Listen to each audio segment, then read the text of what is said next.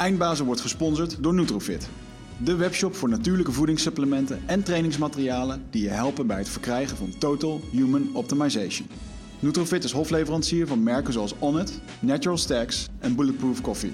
Probeer onze producten zonder risico door onze money back guarantee. Bezoek ons op www.nutrofit.nl. Bestel je voor 9 uur 's avonds, dan zorgen wij dat jouw bestelling de volgende dag geleverd wordt. Relaxed om een keertje Michel zijn plek te zitten. Oh ja, staat uh, Michel zijn plek? Ja, normaal wel. Maar dan zie ik er ook altijd. Dat is ook altijd gelijk zo'n ding dat ik loop altijd te klooien met het licht en zo. Ja, dus dat komt binnenkort. Daar. Ja, ja iets is. Ik ben geen licht eh, man, Technicus. technicus. Nee. En eh, misschien soms dan komt de zon er langs Ja, of er is ja. lang bewolking. Dus dan schemert dat licht ook in de podcast. dus mijn eh, doel is nu om hier gordijnen neer te hangen. Dan wordt het een lekker donker hok. Ja, En dan kunnen we alles... eh, kunnen we er een beetje zo'n RTL-studio van maken. heel goed. Eh, maar goed, in deze stoel zie ik er dus beter uit, omdat de belichting altijd beter is bij deze. En, eh, Weet je ook waarom Michel daar altijd wil zitten? Ja, ik heb fancy achtergrond hier Ja. eh, achter me. Dus, Ja, dat is wel een beetje jouw achtergrond, denk ik, of niet? ja, dat is wel grappig, ja. ja. Die hebben we gekregen van Jeanette Geus. Van een of ander. Colombiaans eh, kunstwerk. eh, Ja. Van iemand die in een andere sfeer is geweest. Ja, ik wou net zeggen, ik heb er nul verstand van. Maar als ik daar een beetje naar kijk en natuurlijk wel wat dingen van jou geluisterd had... dan denk ik, nou, dat is iemand die heeft net ayahuasca gedaan of zo. Ja, Eh, dat, eh, Of die is in ieder geval ergens geweest, niet Ja. eh, maandagochtend, denk ik. Nou ja, misschien dat hij dit op de maandagochtend gemaakt heeft. Maar dit is een peyote schilderij inderdaad. Ja. Goed. Tof. Dat is een andere podcast. Hey, vandaag in de studio, jongen. Frans Rijnhout. Wij kennen elkaar al een tijdje. Dit stond ook al langer in de planning dat jij eindelijk een keertje lang zou komen. En ehm, ja, goed, eh, wij kennen elkaar als vrienden en als eh, personal trainer. Maar heb ik jou een tijdje mogen noemen. Ja. Eh, wat we hadden het net al over. Dat is eh, op een gegeven moment eh, gestrand door eh, een kleine die Lea heette. En eh, nou, je bent zelf ook net vader geworden. En eh, ik kijk er eigenlijk wel naar uit om vandaag met je een mooi gesprek te hebben over voeding en gezondheid. Ja, Dat is natuurlijk jouw vakgebied. Want je bent kracht- en conditietrainer. eh, maar ja, niet zomaar eentje in mijn opzicht. In mijn, eh, mijn optiek ben je een van de betere in Nederland. Eh, en dat merkte ik eigenlijk al een beetje toen ik bij jou, eh, bij jou kwam. eh, in je studio in, in Amersfoort. Wat overigens een hele vette gym is. Eh, dank. is daar nog ruimte voor? voor heb je nog veel ruimte om uit te breiden met... er is nog ruimte voor, er is nog wel wat ruimte voor, voor klanten inderdaad, ja. ja, dus mensen kunnen zich daar melden als ze willen. Zeker. zeker. Maar in ieder geval toen wij daar zaten, toen deden we inderdaad de intake. En ehm, toen zat daar de Wigert die weer vol energie zat en wilde. En het moest weer zoals vroeger zijn. Maar ja, dat vroeger, dat relateerde eigenlijk aan twee keer per dag trainen. En eh, dat vond ik zo moeilijk, jongen. Daar heb ik echt, eh, dat is misschien wel mijn grootste obstakel geweest. Vroeger twee keer per dag getraind, veel wedstrijden gedaan aan het weekend, altijd met die sport bezig. En toen voelde ik me echt fit. En als ik nu terugdenk van, ja, oké, ik wil weer fit worden, dan is dat het niveau waar ik naar terug neig. Ja. Maar ik kom er gewoon keer op keer achter dat ik het gewoon niet meer red. Ja, maar die, die, die tijd is geweest, zeg ik. Ja. En, maar ja, dat is een van de dingen die... Ik vind het leuk dat je dat, eh, dat je dat ook zo zegt. Dit is altijd bij mij stap één om te doen met mensen. En Ja. nou ja, het is nu januari en ook ik heb nu eh, alweer zes nieuwe aanmeldingen. En iedereen die wil nu eigenlijk vol gas. Ja, Ehm, snel, snel, snel. Alleen mensen hebben gewoon 0,0 basis. En ehm, ik vind het gewoon echt belangrijk om met mensen eerst ehm, ja, terug te gaan naar... Oké, maar waarom wil je dat dan? En wat is jouw definitie van fit? Nou, oké, jouw definitie van fit was... ik trainde toen twee keer per week. ja. Toen voelde ik me super. Ja, oké, dat is wat jaren geleden. Eh, toen had je waarschijnlijk een minder druk werkbestaan. Dus je had minder prikkels en stressoren, want je was vooral en alleen met je sport bezig. Dan kan dat wel. Mhm. Alleen als ik nu gewoon bij al mijn klanten zie. eh, mensen hebben zoveel prikkels, zoveel op hun bordje liggen. Kijk eventjes wat het geluid hier goed Dat dan, ehm, ja, trainen is ook gewoon een extra prikkel. En daar moet je wel van kunnen herstellen. Dus je kunt zo hard en zo vaak trainen als je wilt, als je daar ook maar van kunt herstellen. En dat doen gewoon heel weinig mensen op dit moment.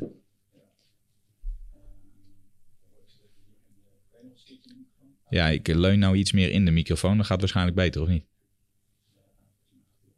Ja? Ja.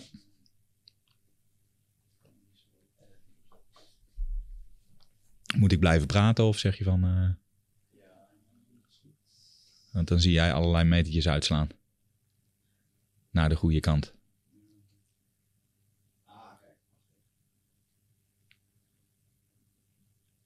Is dat ook al eens gebeurd? Dat je aan het eind van de podcast eh, merkt dat het iets niet goed was gegaan of zo?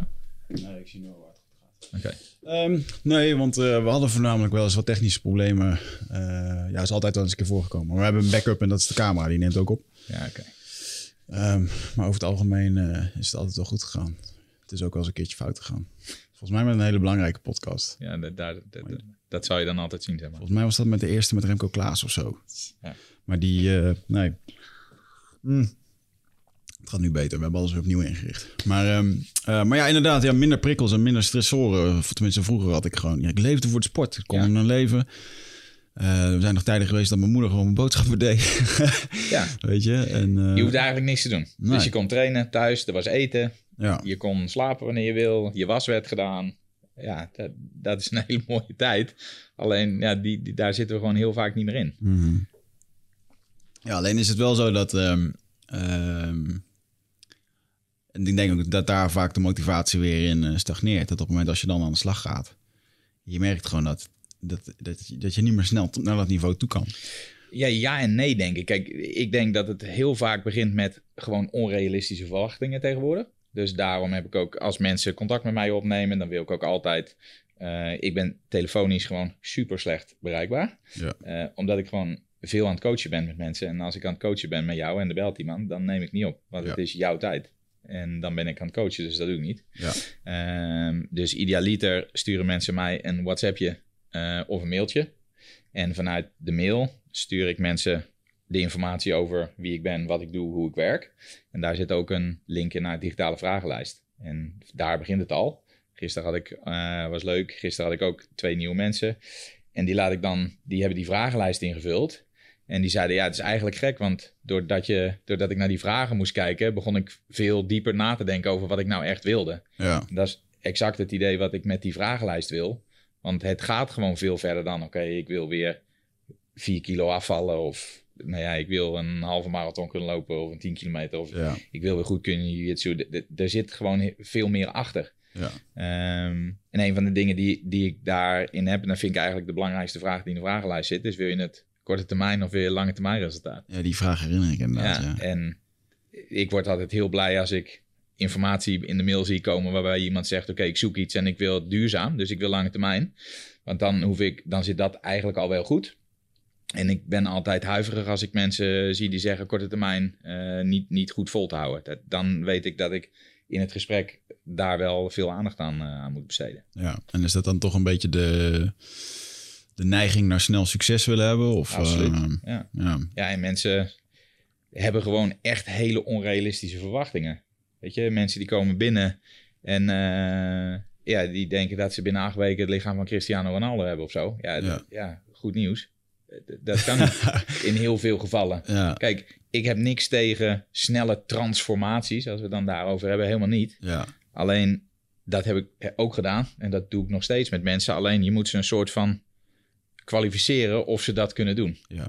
En da- daarvoor moet je gewoon veel data verzamelen van mensen. En ja, dat doen gewoon niet zo, niet zo heel veel eh, trainers. Ja, ik denk dat het ook lastig is op het moment, want de snelle transformaties die zie je vooral in de online programma's. En, Ja, en dat scoort natuurlijk, dat snap ik. Ja. Dat, dat zijn eh, mooie foto's. Dat, dan denkt iedereen, holy shit, kan dat? Eh, weet je, ik heb vaak, toen ik begon, deed ik dingen bijvoorbeeld met tien dagen. Ja, dat is super heftig. ja, je kan bizar veel bereiken, zelfs in tien dagen. Alleen je merkt gewoon dat dat heel lastig lang vol te houden is. ja, Omdat je eigenlijk al te veel restricties oplegt voor jezelf. Je lichaam signaleert het allemaal, slaat het allemaal op. En die zegt op een gegeven moment gewoon, hier ben ik wel klaar mee. ja, Dan zie je eigenlijk mensen dat ze het niet kunnen vasthouden. Dat ze eigenlijk door de ondergrens heen zakken. En Ja, dat is het bekende yo-yo, plak er Ja. een, een sticker op. En dan moeten ze weer opnieuw beginnen.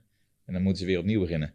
Het allerbelangrijkste wat ik nu zie, en ik, nou ja, ik heb nu mijn eigen studio sinds 2013. Eh, Ik ben al wel langer eh, met eh, klanten bezig. Dan zie je gewoon, de eerste stap is gewoon echt bewustwording. Mhm. Wat doe ik nu of wat doe ik niet? Nou, als je het een beetje wil platslaan, je hebt input, eten. Alles is eigenlijk informatie voor je lichaam. ja, En ja, als je bijvoorbeeld computerprogrammeur bent, als je er crappy info induwt, ja, dan krijg je ook crappy info eruit. Ja. En dat gebeurt gewoon heel vaak met, eh, met het lichaam. En dat zijn gewoon echt de basisdingen. En ik snap dat dat niet super, eh, super Ja. tof is. Ja, ik, ik zat er van de week nog met mijn vriendin over te kletsen. Dat als ik kijk hoe ik mijn, middels, hoe ik mijn middelbare schooltijd ben doorgekomen, jongen. Ja, het is eigenlijk een wonder dat we hier allebei zitten. Ja, worstenbroodjes, Ja. appelkoeken, eh boterhammen. Ja, die gooi ik vaak liever weg, want ik vond het toch niet meer lekker. Zeker. Dus een zak chips en Ja. Misschien af en toe nog een keer een joint tussendoor ook. eh. Ja, ik, ik heb, ik heb heel lang boven een winkelcentrum gewoond. Ja. Ja, en, en omdat ik nu een hele andere kant op ben gegaan en heel erg op gezondheid zit. Wat overigens niet betekent dat ik een een of andere monnik ben of zo. Want ik eet ook dingen die dan slecht voor je zijn of die ik gewoon lekker vind. Ehm, maar als je dan een beetje om je heen kijkt en je ziet scholieren in de pauze eh, wat kopen. Ja. Dat is wel gewoon echt schrikbarend. Zeker omdat je, en dan klinken we misschien wel allebei heel oud. Maar in de periode dat wij die leeftijd hadden, toen bewogen we nog heel veel. Eh, ja, ja. Want ja, toen deed je waarschijnlijk ook iets aan sport. ja, ik, ehm, ja, ik moet zeggen dat ik dat tijdens mijn middelbare schooltijd ook wel een beetje heb laten vervaren. Oké. Ehm, maar ik ben het rond mijn 15 en 14, dan ben ik op een gegeven moment echt wel verslaafd geworden aan de fitnessen. Nee, dat. En, eh, Maar toen ja. was waarschijnlijk ook nog de periode dat als je met mij wilde afspreken en ik woonde eh, zeg maar zes Ja. blokken verder, dan zei je moeder, nou fiets er even heen, Ja, misschien is nee, thuis. ja, zeker. En dan was je daar en dan deed mijn moeder de deur open. Die zei, nee, Frans is er niet. En dan fiets je weer terug. En dan, dan, dus dat. Ja, nu, dat, Nee, dat ik- heb je gewoon nooit meer. Ik weet nog dat ik tot mijn twaalfde heb ik gehockeyd of zo. Maar ja, ik kwam toen op de MAVO en hockey was gewoon eh not done. Dus dat is de reden waarom ik ermee ben gestopt, weet je wel. En toen heb ik op een gegeven moment volgens mij een tijdje niks gedaan. Toen ben ik inderdaad met eh, vechtsport eh, eh, bezig gegaan. En dat was wel een verslaving. Maar ik heb wel een aantal jaren ook echt gewoon... ja, eh, computerspelletjes en eh, binnen zitten.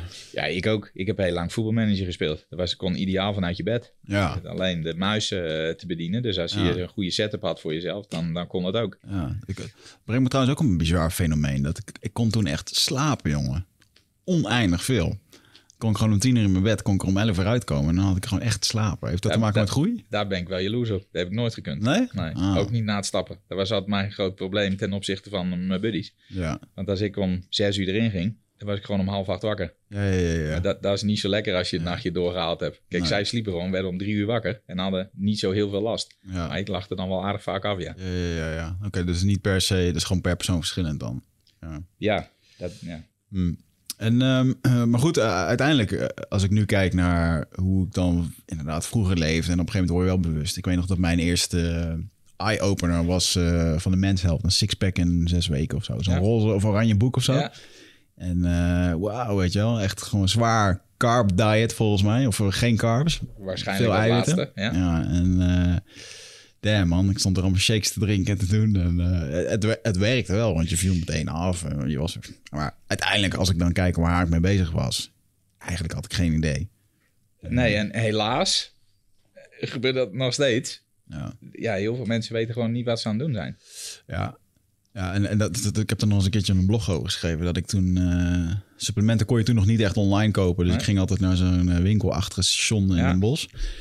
En er stond er echt zo- zo'n kerel, jongen. Er was een uitsmijter ergens en eh zwaar aan anabolen. Ja, En die stond dan in die winkel klanten te adviseren. Van ja, als je dit doet, moet je dat. En hier een pot, en daar hier, een pot. pot daar. En dan vervolgens dan ging ik met die pot ging ik terug. En ik eh, stond daar eh, met mijn SEAL stage. Ja. eh, moest ik stage lopen in de fitnessschool. En ik stond daar vervolgens het advies wat die anabolen doet. Ja. Gaf aan mensen. Terwijl die ondertoonbank waarschijnlijk ook nog allemaal andere shit eh, kon je al bij hem halen. ja.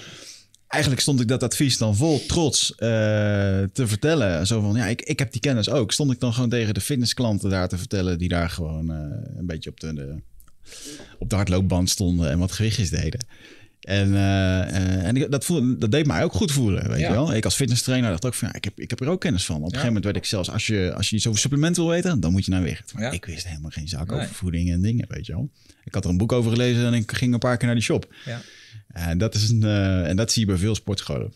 ja, helaas. En online denk ik ook wel. Ik Ja, het is denk ik niet alleen dan in mijn branche, zeg maar. Je- Ja, je, de toegang tot informatie is gewoon heel makkelijk nu. ja, En dus daardoor kan iedereen eh, kan heel makkelijk eh, ja, klanten bereiken. ja, Dus als je goed kan verkopen, bijvoorbeeld, of je fakte dat je goed kan verkopen, ja, dan ben je gewoon in business. ja, En kijk, zeker dan als je, als je naar mijn vakgebied kijkt, hè, de- de- het online coachen, het online trainen is dan natuurlijk hip, hè, want het maakt niet uit waar je bent. Ik kan je altijd contacten en ik kan je een schemaatje sturen. Of ik dat nou zelf gemaakt heb of niet, dan laten we dan even in het midden. Dus eh, ja, de- als je dat goed verpakt en vermarkt, ja, dan, dan kun je daar gewoon echt een hele goede, goede business in draaien. Ja. Als je het echt goed wil doen, dan denk ik dat je vooral niet online moet coachen, want daar gaat vijf keer zoveel tijd in zitten dan als je mensen persoonlijk ziet. Oh ja, is dat zo? Ja, want als ik jou twee keer per week, drie keer per week zie, ja, dan kan ik je in de ogen kijken en dan Ja. zie ik wat je doet. Ja. En dan kan ik je laten voelen wat je moet voelen. Ja, en dan kan ik jou veel meer waarde leveren. Ja. Maar eh, om online, als jij hier bent en ik ben in Amersfoort, ja, dan is het gewoon letterlijk anders. Ja. Dus ik, je krijgt een berichtje binnen of een mailtje binnen, maar daar krijg je er tig van eh, per dag. Dus je leest er misschien even snel overheen. Maar in dat mailtje lever ik op dat moment serieus, serieus veel waarde. Alleen Ja. mensen schatten dat niet op die waarde. Ja. Als je bijvoorbeeld alleen al kijkt nu naar hoe mensen ademhalen, ja, dat is, dat is best dramatisch. Ja. Allemaal veel te hoog en dat heeft in heel veel gevallen weer te maken dat mensen veel te veel prikkels en stressoren hebben eigenlijk hè, de, gedurende de dag. Dus dat ze eigenlijk veel te veel in het fight-or-flight deel van het zenuwstelsel zitten. Ja. Ja, daardoor, daardoor krijgen je mitochondriën, energiefabriekjes in je lichaam, die krijgen gewoon geen zuurstof. Wat doet je mitochondriën? Ja, letterlijk, het zijn je energiefabriekjes. Dus die maken energie aan voor je lichaam, waardoor je kunt bewegen. Ja. Maar wat je heel veel ziet, is dat mensen daar dus niet komen. En dus eigenlijk op een kunstmatige manier dat allemaal aan de gang moeten houden. Ja, ja, ja. ja. Koffie, caffeine, Red Bull. Red Bull, ja. Omdat nou, iedereen kent dat ook wel bij zichzelf, denk ik. Of je kent wel iemand waarvan je denkt, nou oké, dat, dat, dat klinkt wel bekend. Die lopen één keer een trap op en die hebben zure benen. Ja. Ja, dat kan niet. Nee. Dat kan alleen als er zoiets niet goed is. Nee, dan eh, zou je het in de natuurlijke selectie niet eh, lang eh, volhouden. Nee, nee. En dat is bij veel mensen. De- Ja, als, je, weet je, als, je, als we een beetje teruggaan naar die intake en je gaat met mensen zitten. Kijk, diep van binnen weet iedereen het wel. Ja. Of ze niet goed eten of te weinig bewegen. Alleen, en daar heb ik absoluut geen antwoord op. Daar moest ik ook wel om lachen dat je dat toen zei. Van, eh, ik ga je geen hele lijst sturen met wat je niet moet eten, want dat weet je wel. Ja, maar zo is het toch, of niet? ja, ja, zeker wel. Ja, dus natuurlijk. kijk, de- zeker met voeding hè, is, is zo'n lastig topic. Ja. Omdat iedereen is zijn eigen eh, docent. Ja. Want iedereen weet er heel veel van. Eh, een van de dingen die ik vaak roep, het mooiste van deze tijd is Google. Een van de grootste nadelen van deze tijd, Google. Ja. Want ja, je, je kan ook op zoek gaan naar wat je wilt vinden. Ja. En heel veel mensen, nou nu merk ik het ook weer is januari, dus mensen die, die willen weer van alles. En dan gaat het weer snel. Nu gaan weer mensen op skivakantie en die zeggen, hey, ik Ja. moet toch even wat afvallen nog. Ah ja, dan doe ik gewoon even heel weinig eten. Hey, Oké, als dat voor jou zo voelt, dan moet je dat doen. Ja, Alleen, ja, ja. Wat, wat ik heel graag wil met mijn bedrijf is dan mensen teruggeven wat dat dan voor gevolg heeft. Oké, jij wil nu bijvoorbeeld 1000 calorieën eten, eh, twee weken, omdat je snel gewicht wil verliezen. Dus je gooit even de koolhydraten eruit, dus je gaat veel vocht verliezen, weegschaal gaat naar beneden, daardoor krijg je een soort van happy feeling, zo van ja, zie je wel, dit, dit is het, dit Ja. moet ik volhouden. Eh, ja, en dan of dat nou na tien dagen is of na drie weken, maar er komt een keer een man en die heeft niet een hamertje, maar gewoon echt een sloopkogel. Ja. Ja, dan krijg je hem gewoon terug. Ja.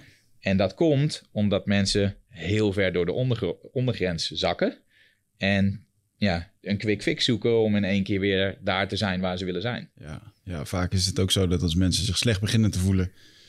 Nou, Daar hadden we het net al een beetje voor over. Mensen voelen zich slecht, willen zich beter voelen. Dat doen ze het liefst door iets te doen waardoor je je gelijk goed voelt. Ja. Alleen het feit waarom je je slecht voelt is al anderhalf, twee jaar, misschien drie jaar bezig. Ja, 100%. Ik weet nog dat ik bij dat computerbedrijf, eh, mijn investeerder was een eh, softwarebedrijf. Dus er zaten ook echt softwareprogrammeurs. Smiddags stonden daar witbrood met tosties.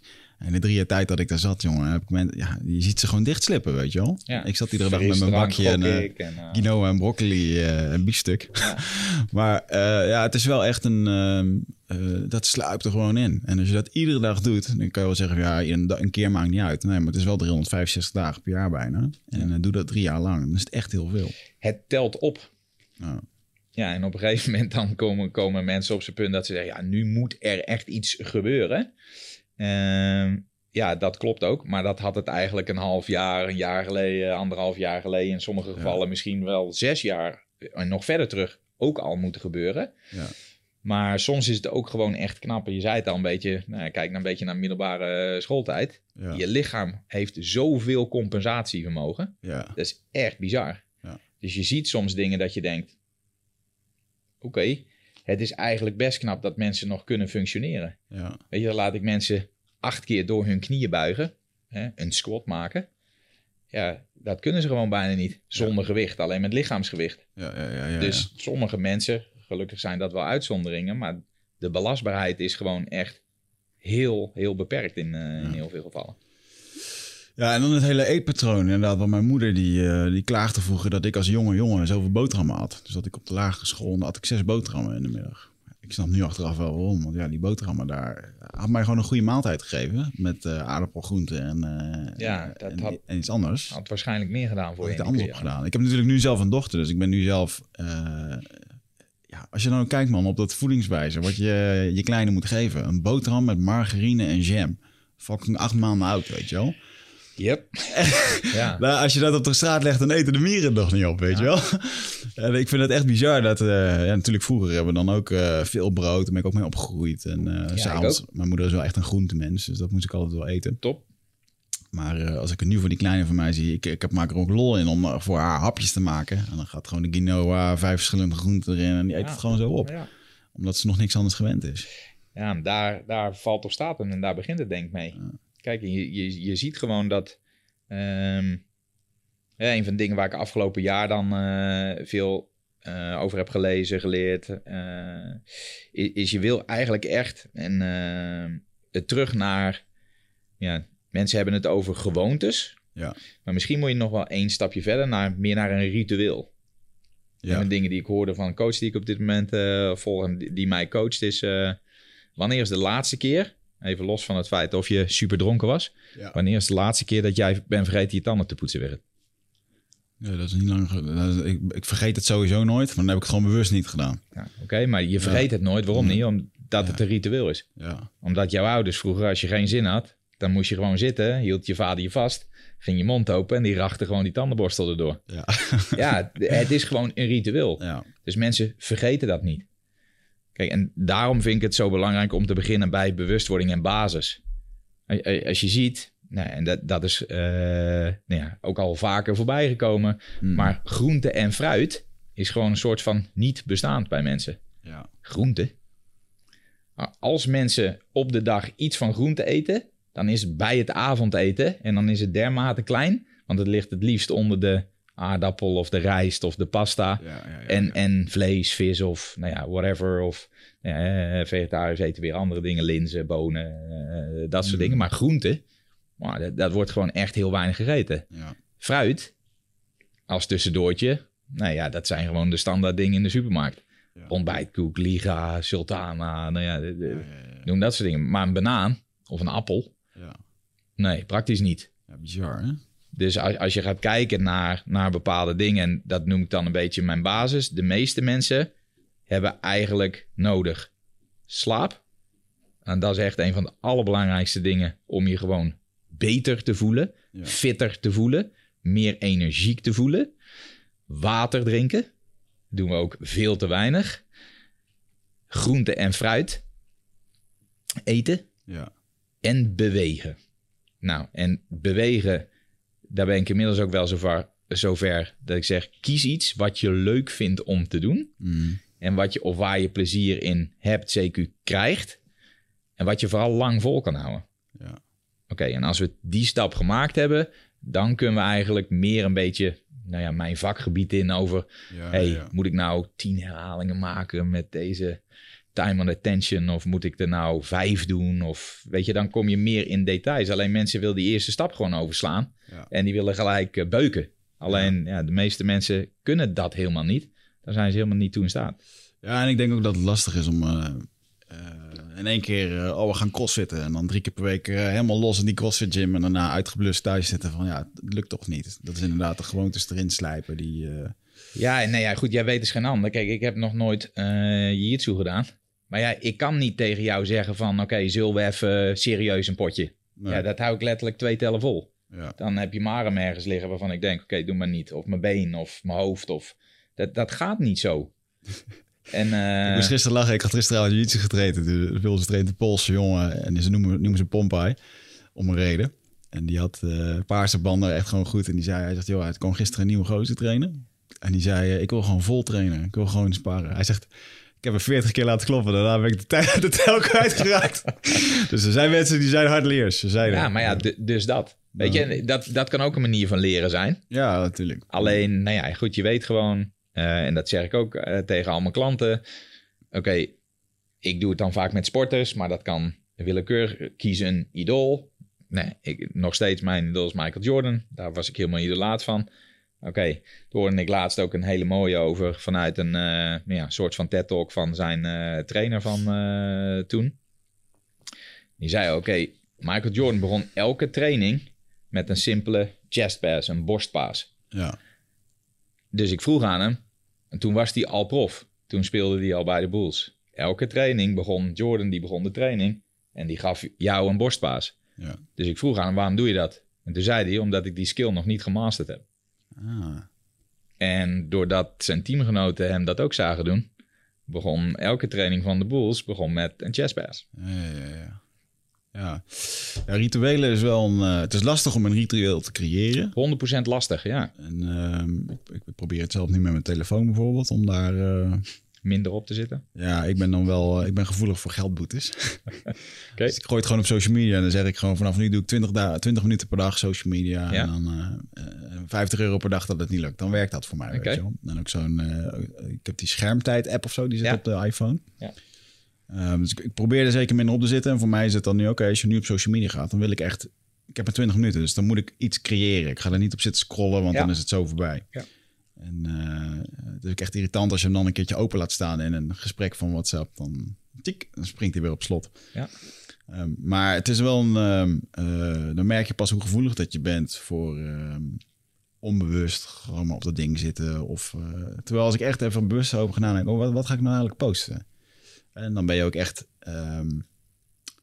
onlangs was ik in Amerika, die man zei het heel goed. Iedere keer dat je op zo'n groot marketing seminar... Die zei ook, iedere keer dat je wat post op social media... eh, doe je het voor jezelf? Of doe je het om echt iets van dienst te zijn voor anderen? Ja. En dan denk ik, ja, ik ben echt wel veel aan het doen voor anderen. Maar toch 9 van de 10 keer als ik wat post, dan, dan is Ja. het vanwege mezelf, weet Ja. je wel. En dus dat heeft me wel heel erg bewust van gemaakt. Ja, met sporten nu ben ik dan weer begonnen met hardlopen en zo. En eh, eh, ja, dan moet ik dat toch gewoon, gewoon aan het begin van de dag doen. Want aan het eind van de dag dan wordt het toch weer... eh, Ja, maar weet je, als dat voor jou in jouw huidige patroon goed werkt... ja, dan zoek je een ritueel of je gaat een ritueel creëren dat je denkt ik doe het vroeg in de ochtend, ja, dan heb ik het gehad. Kijk, persoonlijk zou ik zelf ook vroeg in de ochtend willen trainen. Sowieso omdat ik een ochtendmens ben. ja, Alleen, ja, dat lukt vaak niet omdat ik om zeven uur begin met de eerste klant. ja, ja, ja, ja. Maar dat zou, voor mij persoonlijk, zou dat wel het meest ideale trainingstijdstip Ja. zijn. Daarom zijn er zoveel personal trainers met een dikke buik. Nou, misschien wel, ja. Misschien wel, ja. Nou ja, weet je, als je, als je een beetje kijkt en afgelopen jaar eh, via Muscle Nerds veel met studie gedaan. En in die seminars kwam dat ook gewoon heel vaak naar voren. Hè? Een van de dingen ging over, oké, personal trainers zijn echt het allerslechtste in goed eten. Ja, In rustig de tijd nemen. Laptop dicht, telefoon aan de kant, even tot rust komen ja, en bewust gaan eten. Dat is 100% herkenbaar. ja. Want wat je doet, en zeker als je, nou ja, je hebt een eigen business, dus je moet klanten draaien, je moet productie eh, draaien. Dus jij gaat eruit en ik heb letterlijk, de ander is er al, die is al aan het opwarmen. Ja. Dus ik heb een minuutje of twee minuten de tijd om, om iets naar binnen te gooien. Ja. Dus als je weer gaat eh, kijken naar hoe verteert het allemaal, je moet gewoon echt kou op je eten. ja. Maar ja, als ik er even snel een pak yoghurt eh, in eh, klok. Ja, dat is makkelijk. Ja. Dat kan ik heel snel wegkrijgen. Maar Hoeveel keer moet je kouwen? 23 keer? ja, weet je, Zoiets, eh, de- wat, sommige mensen die maken er hele academische studies van. Maar ik denk dat het zinvol is om goed en relatief vaak te kouwen tot het een soort van semi-vloeibaar voedsel is. Ja, En, en dan pas echt doorslikken. ja. Wat dus heel erg grappig was, dat ik... Ik zag laatst een documentaire over iemand die was naar... ehm, een beetje normale stammen geweest in, in Borneo. Ja. En daar zag ik de. daar hadden ze een shot gemaakt en dan zag je de moeder, die zag je gewoon iets in de mond steken. en die koude het gewoon een paar keer. En die pakt het uit de mond en die geeft het gewoon aan de kleine. Ja, voor verteren. Ja, en ik dacht eigenlijk van gasver, weet je wel. Het is ranzig dat ze dat doen. Maar, en toen later, ja. een dag erna, alsof het zo moest zijn, hoorde ik ook in één keer van ja, dat is gewoon hoe zoogdieren het ook doen. Ja. Gewoon voorkouwen. En uh, dat speeksel zorgt er al voor dat, je, dat het aan het verteren gaat. Ja. Ja, die kleine kunnen het nog niet. Dus iemand anders moet eigenlijk het eerste zware werk doen. Ja, het is niet dat ze daar met hapjes en blenders in de jungle lopen te, te nee, Nee, je, ziet, je ziet daar geen, uh, geen fruithapjes uh, erin waarschijnlijk. Uh. Ja, wel mooi hoe dat, dat inderdaad gaat, ja. ja. Je vertelde net over muscle nerds. Want je, bent, een, nou, je bent best wel vol met diploma's. Je hebt een beetje alles van overloten doorlopen. Je hebt ook les gegeven, je assisteert erbij. Je, je, traint, je traint ook trainers, dus niet alleen maar eh, de cliënten. Ja. En um, Muscle Nerds was het, eh, het laatste project waar je... ja, ik ben eigenlijk vanaf het begin af aan al op zoek naar... Ja, het zal waarschijnlijk niet bestaan, maar in mijn eigen hoofd dan een ideaal beeld... Hmm. om mensen te kunnen coachen, vooral ook op het gebied van gezondheid. Ja. En dat is een hele, hele subjectieve term natuurlijk. Wat het voor de een is, is het voor de ander niet. En ik ben al een tijdje op zoek naar wat geeft me nou meer uh, concrete handvaten. Uh, en niet alleen maar uh, subjectief, maar ook objectieve data mm. die je kan verzamelen met mensen om te kijken niet zozeer of het nu goed of slecht is, maar waar ben je nou eigenlijk naartoe aan het bewegen als je niks gaat doen. Ja. En ja, ik volg gewoon een hoop coaches, trainers, op social media. Dus ja, daar zit ik ook uh, uh, op. Lees ik dingen, luister podcasts, lees boeken, lees blogs. Dat probeer ik zoveel mogelijk te doen. Inmiddels uh, ben ik wel zover dat ik dat heel erg heb ingekrimpt en er eigenlijk nog maar een, een beperkt aantal volg. Waarvan ik vind dat ze heel veel waardevolle informatie geven. En waar ik gewoon beter van kan worden. En Luc Lehman van Muscle is daar gewoon echt één van. Die volg ik al een jaar of 2,5, 3. En ik was gewoon heel erg geïntrigeerd door, uh, ja, door zijn kijk op gezondheid met name. Mm. Um, dus daar ben ik een podcast van gaan luisteren, contact met ze opgenomen, gevraagd. Wat er eh, zijn, uh, want als je kijkt naar de Ido Portaals en de, de Kelly Starretts, en ze hebben allemaal een eigen uniek ding. Wat is het unieke ding bij uh, deze meneer Luc? Health first. En een van zijn uitspraken die hij gewoon heel veel doet is de, de branche heten van origine health en fitness. Ja. Alleen als je op dit moment naar de branche kijkt, dan is health een soort van non-existent.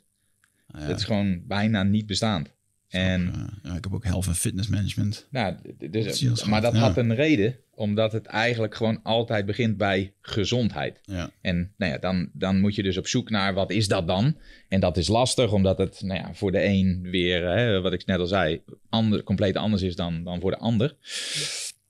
Maar ik was heel erg geïntrigeerd door, door um, een van de dingen die hij zei in een podcast. Was, uh, meet jij de bloeddruk van je klanten? En dat deed ik niet.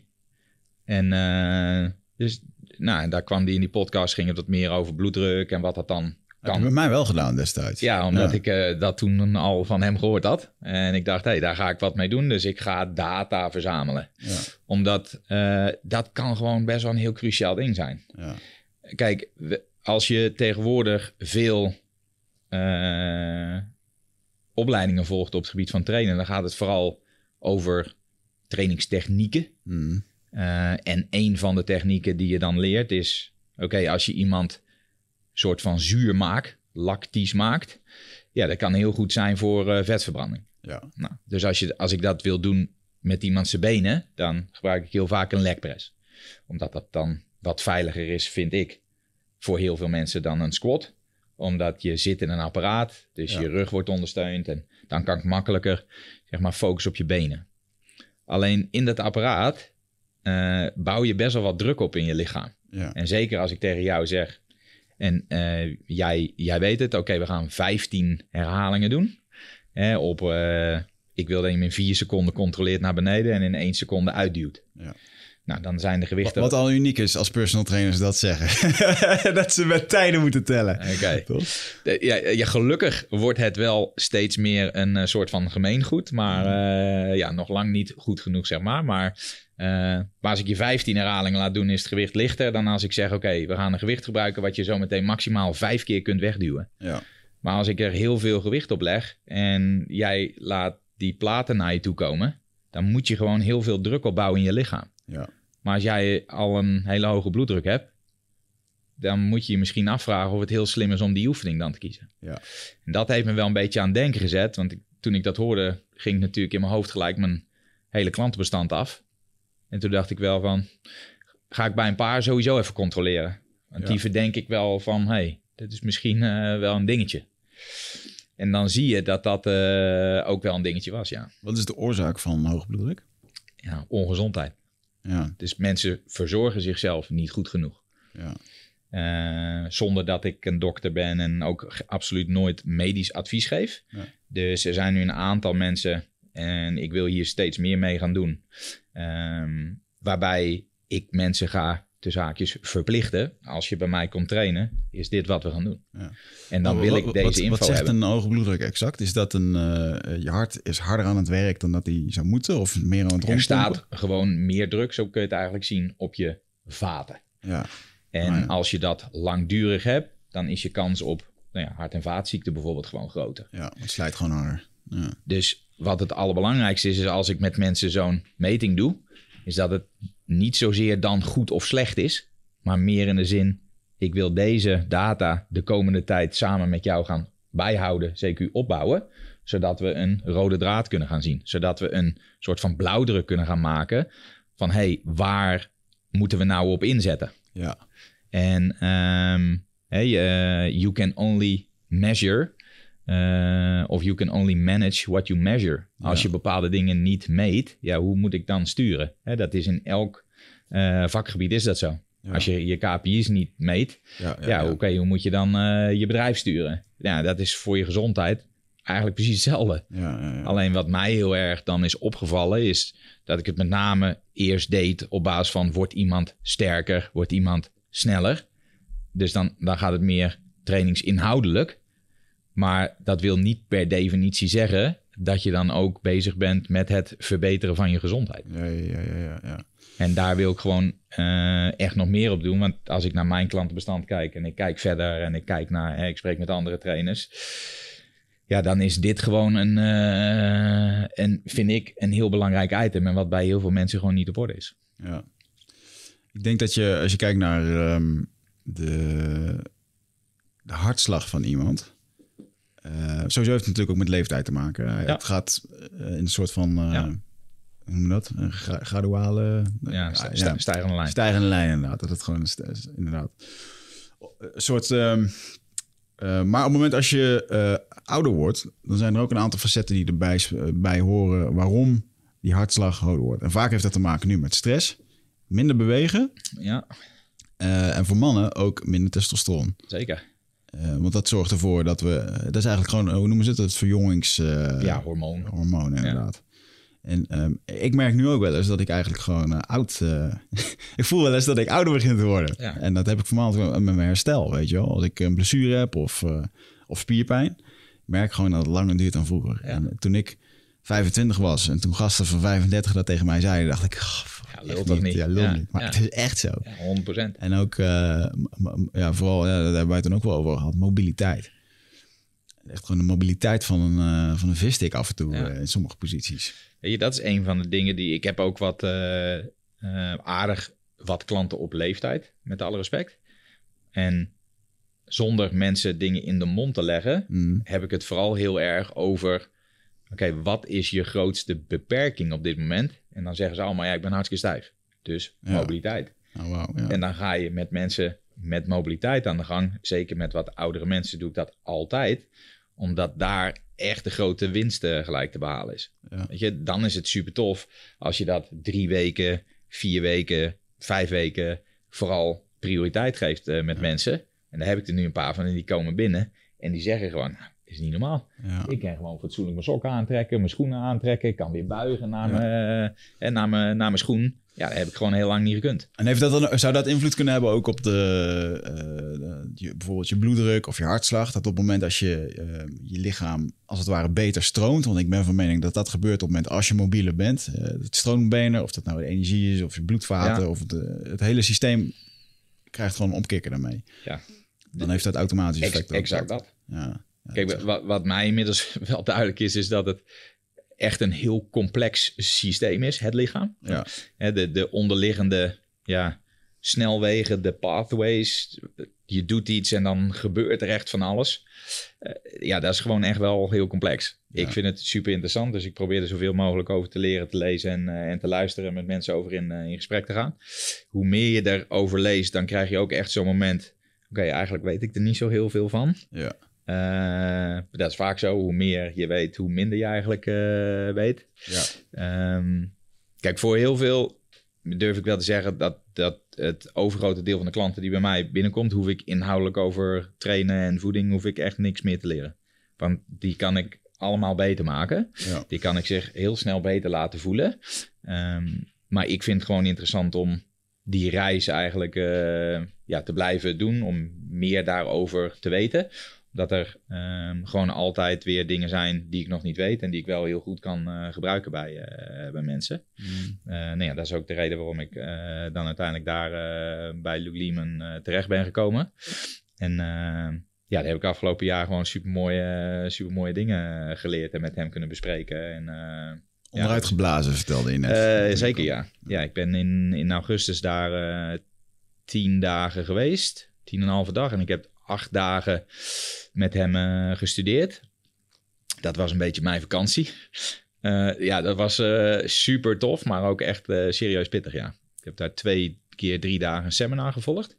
Maar ik heb ook twee dagen één op één met hem eh, gestudeerd van eh 12 uur per dag. Ja. En toen moest ik na 90 minuten wel even eh, tegen Luc zeggen of hij iets eh, rustiger aan wilde doen. En of we even een klein kopje koffie konden drinken. Ja. Maar leg het uit, man. Ik bedoel, Noël was hier vorige keer en die heeft lekker over Jim Jones zitten kletsen. Ja. Super interessant. Het is brand is los wat je daar aangaat als je met hun het pad Het- aangaat. Het allerbelangrijkste en waar hij heel erg prat op gaat.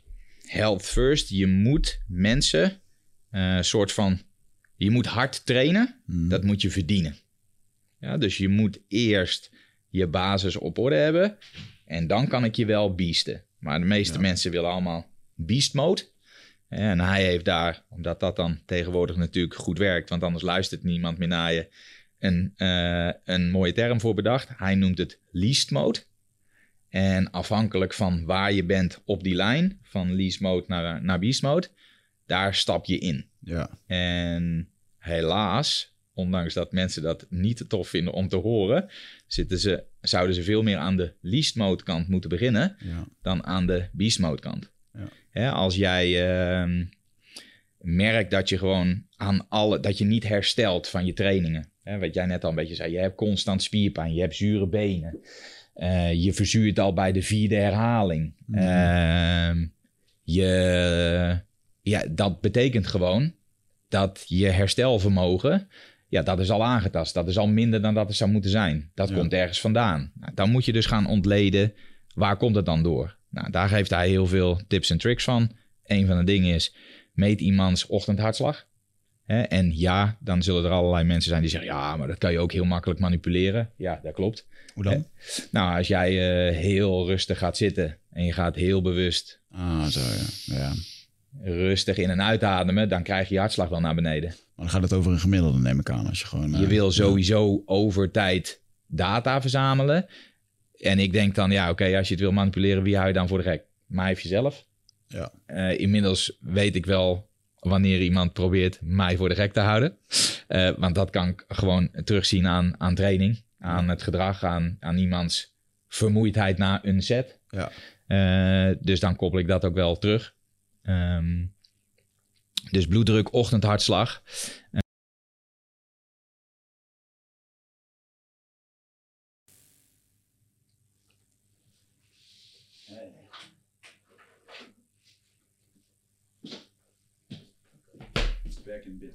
Top. Gewoon verder met uh, de mussel. Uh... Ja.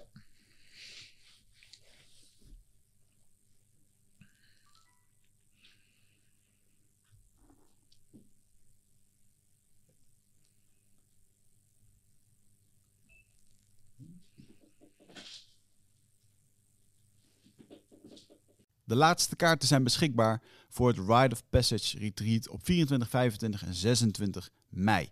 Ben jij erbij? Het is een volgende stap in je persoonlijke groei. Uh, een weekend waarbij de belofte is dat het een tikkeltje oncomfortabel gaat worden. Maar daar ligt natuurlijk wel gewoon de groei om meer helderheid te krijgen in je leven. Om uit je hoofd te komen, in het lichaam. Um, achter te laten wat je niet meer dient. En om echt de volgende stap te maken door de oude patronen te doorbreken, te doorzien, te doorvoelen en, en te helen. En daarvoor wil ik je heel graag uitnodigen. Uh, en ik hoop dat jij een van die laatste bent die nog aansluit bij het Ride of Passage Retreat. Ga naar wichertmeerman.nl, klik op Retreat en ik zie je daar.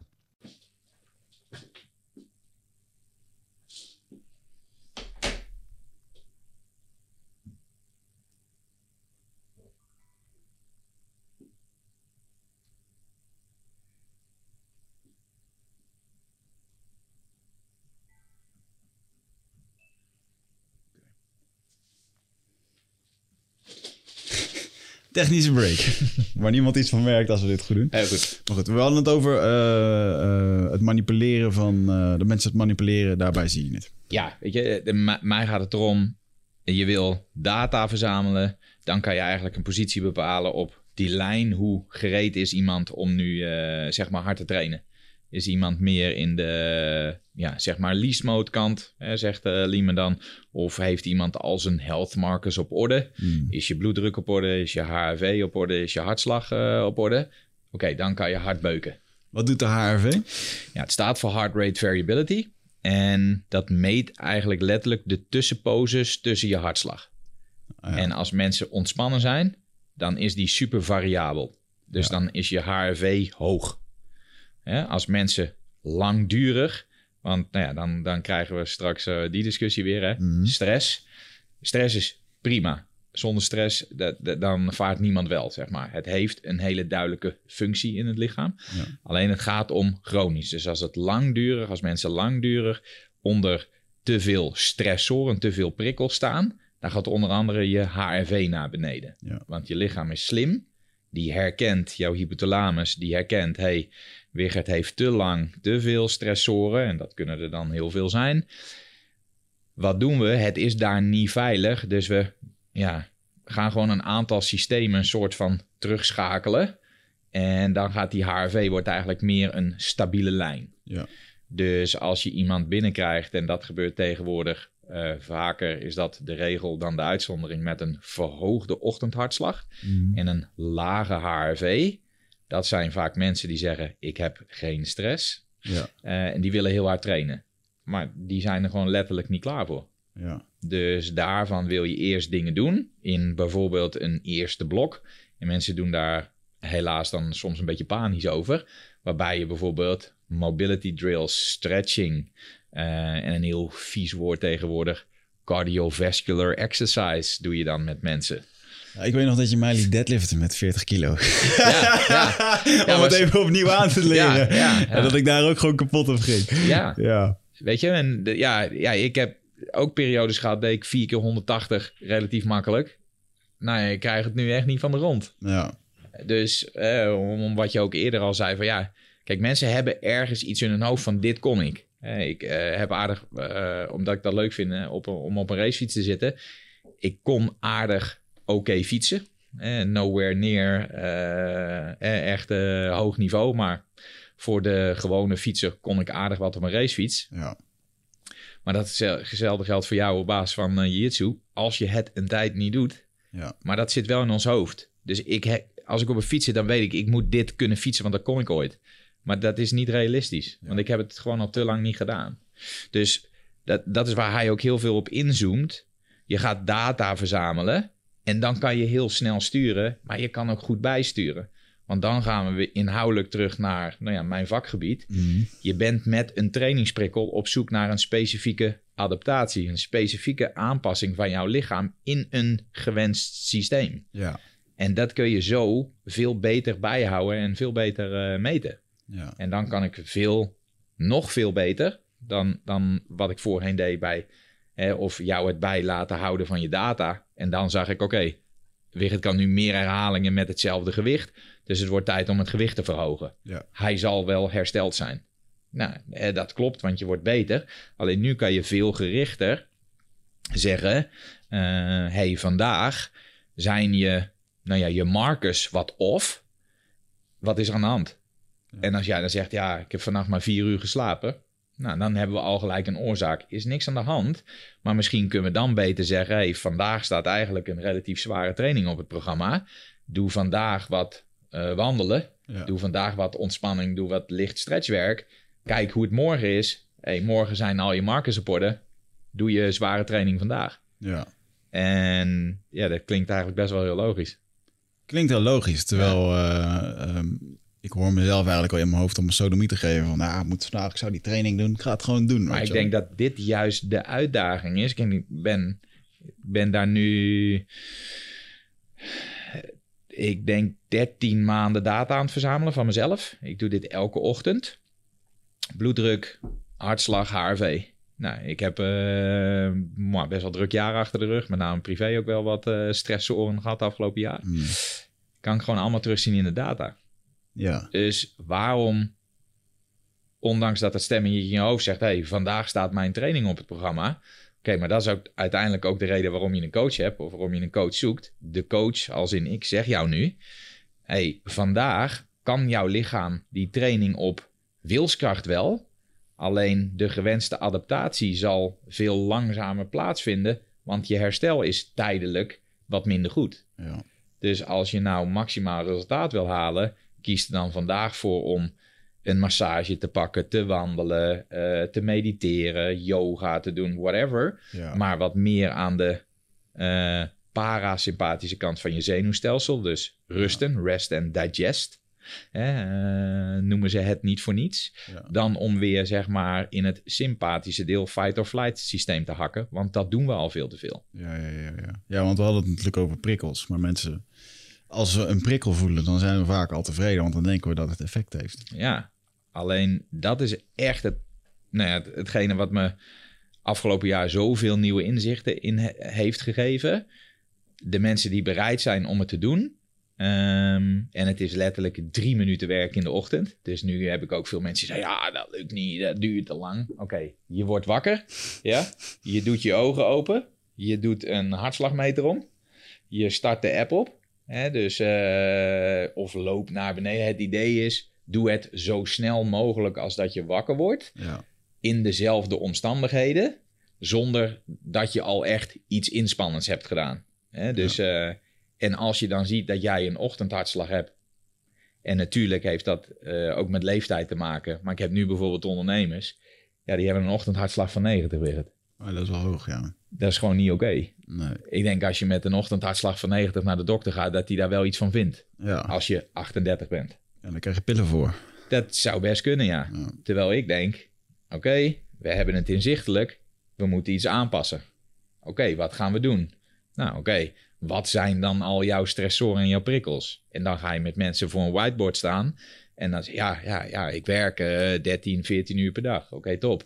Maar hoe eet je dan gedurende die 13 en die 14 uur? Ja, ja, ja, ja, niet zo best. Ik bereid het niet voor, ik heb niks bij me. Oké, dus dat is de tweede. Hmm. Oké, en eh, hoe is je slaap dan? Ja, ja, matig. Laat naar bed, want ik zit nog eh, achter mijn laptop mails te beantwoorden. Dus we hebben geen slaapritme, geen vaste routine om een beetje te eh unwinden Ja. hè, aan het einde van de dag. Dus daardoor kom je wederom weer niet in het juiste systeem Ja. om gewoon eh, je diepe slaap en, eh, en je remslaap in de goede cycli te, te krijgen. Waardoor je niet goed herstelt. Waarbij je de volgende dag weer wakker wordt met een niet goed gevuld glas met energie. Ja. En dat gaat maar door. En voor je het weet zitten mensen in een visueuze cirkel terecht. Ja. Ik herken van mezelf wel dat als ik niet lekker wakker word 's ochtends, dat ik dan eerder eh bulletproof koffie pak. En de reden waarom, omdat ah, het is makkelijk, maar ik heb ook echt gewoon zin in die cafeïne. En eigenlijk ga ik me daarna alleen maar rotter voelen, omdat er zo'n... sh- Ja, Maar dat is voor mij super herkenbaar ook weer. Ik denk van, nou, doe wel een extra bakkie. ja, En nou ja, zeker tegenwoordig, toen ik begon in mijn gym, had ik eh, gewoon, moest ik koffie zetten. Ja. En dan moest je een handeling doen. Maar nu heb ik een apparaat, dus ik zet mijn bakje eronder, ik druk op een knopje en ik heb weer caffeine. ja, Maar mensen hebben gewoon niet in de gaten dat je... Mensen zeggen, ja, maar ik voel me best oké. Maar heel veel is gewoon kunstmatig aan de gang houden. ja, Alleen wat, je, wat ik wel vind is, je moet mensen wel gaan kaderen. Van, eh, blijkt bijvoorbeeld al uit die vragenlijst, dan zie ik al, oké, ik slaap eh, vijf uur per nacht. Nou, en dan krijg ik altijd de discussie met mensen, ja, maar ik ga prima op vijf uur per nacht. Oké, het feit dat je functioneert en hier zit, wil niet zeggen dat het optimaal is voor je lichaam. En dat je dus echt herstelt. Dus dan moet ik daar zeg maar hè, de, Ja. het gesprek over aangaan. Dus dat mensen iets kunnen doen, wil niet zeggen dat het optimaal is. Dan willen ze er iets bij doen, namelijk hard trainen. Want dat hebben ze gezien of gehoord. Of ja, maar die doet dat. Ja, dat klopt. Alleen, en dan gaan we bijvoorbeeld weer een beetje een stapje terug naar transformaties. Wat je eigenlijk zou moeten doen, is oké, begin. Hmm. Dit is het einde van het traject, bijvoorbeeld 16 weken. Oké, maar dan wil ik ook graag een foto zien van 32 weken. Ja. Dus 0, einde traject 16. Oké, en wat gebeurt er nu? Ja, die worden niet zo heel vaak gepost, nee. omdat dan in veel gevallen, er zijn natuurlijk ook gewoon hele een goede transformatie, hartstikke top, maar in heel veel gevallen vallen mensen gewoon snoeihard terug. Is het ook niet het geval dat eh, je lichaam in eerste instantie heel hard aanpast als je, al- als je nooit iets hebt gedaan en je gaat trainen? Ja. Maar volgens mij is de, de vooruitgang van eh, na die 16 weken tot 32 weken vaak veel minder zichtbaar. 100%. Ja. Dat wordt gewoon steeds moeilijker. Dus kijk, het is ook een soort van makkelijk scoren als trainer. Ja. Als ik nu een willekeurig iemand van de straat haal, die gemotiveerd is om iets te doen. Dus ik zeg, oké Wigert, ik ga jou helpen. Je moet twaalf weken lang, of acht weken, zelfs zes weken transformaties voor je, moet je dit doen. Dus ik stop jou in een enorm calorietekort.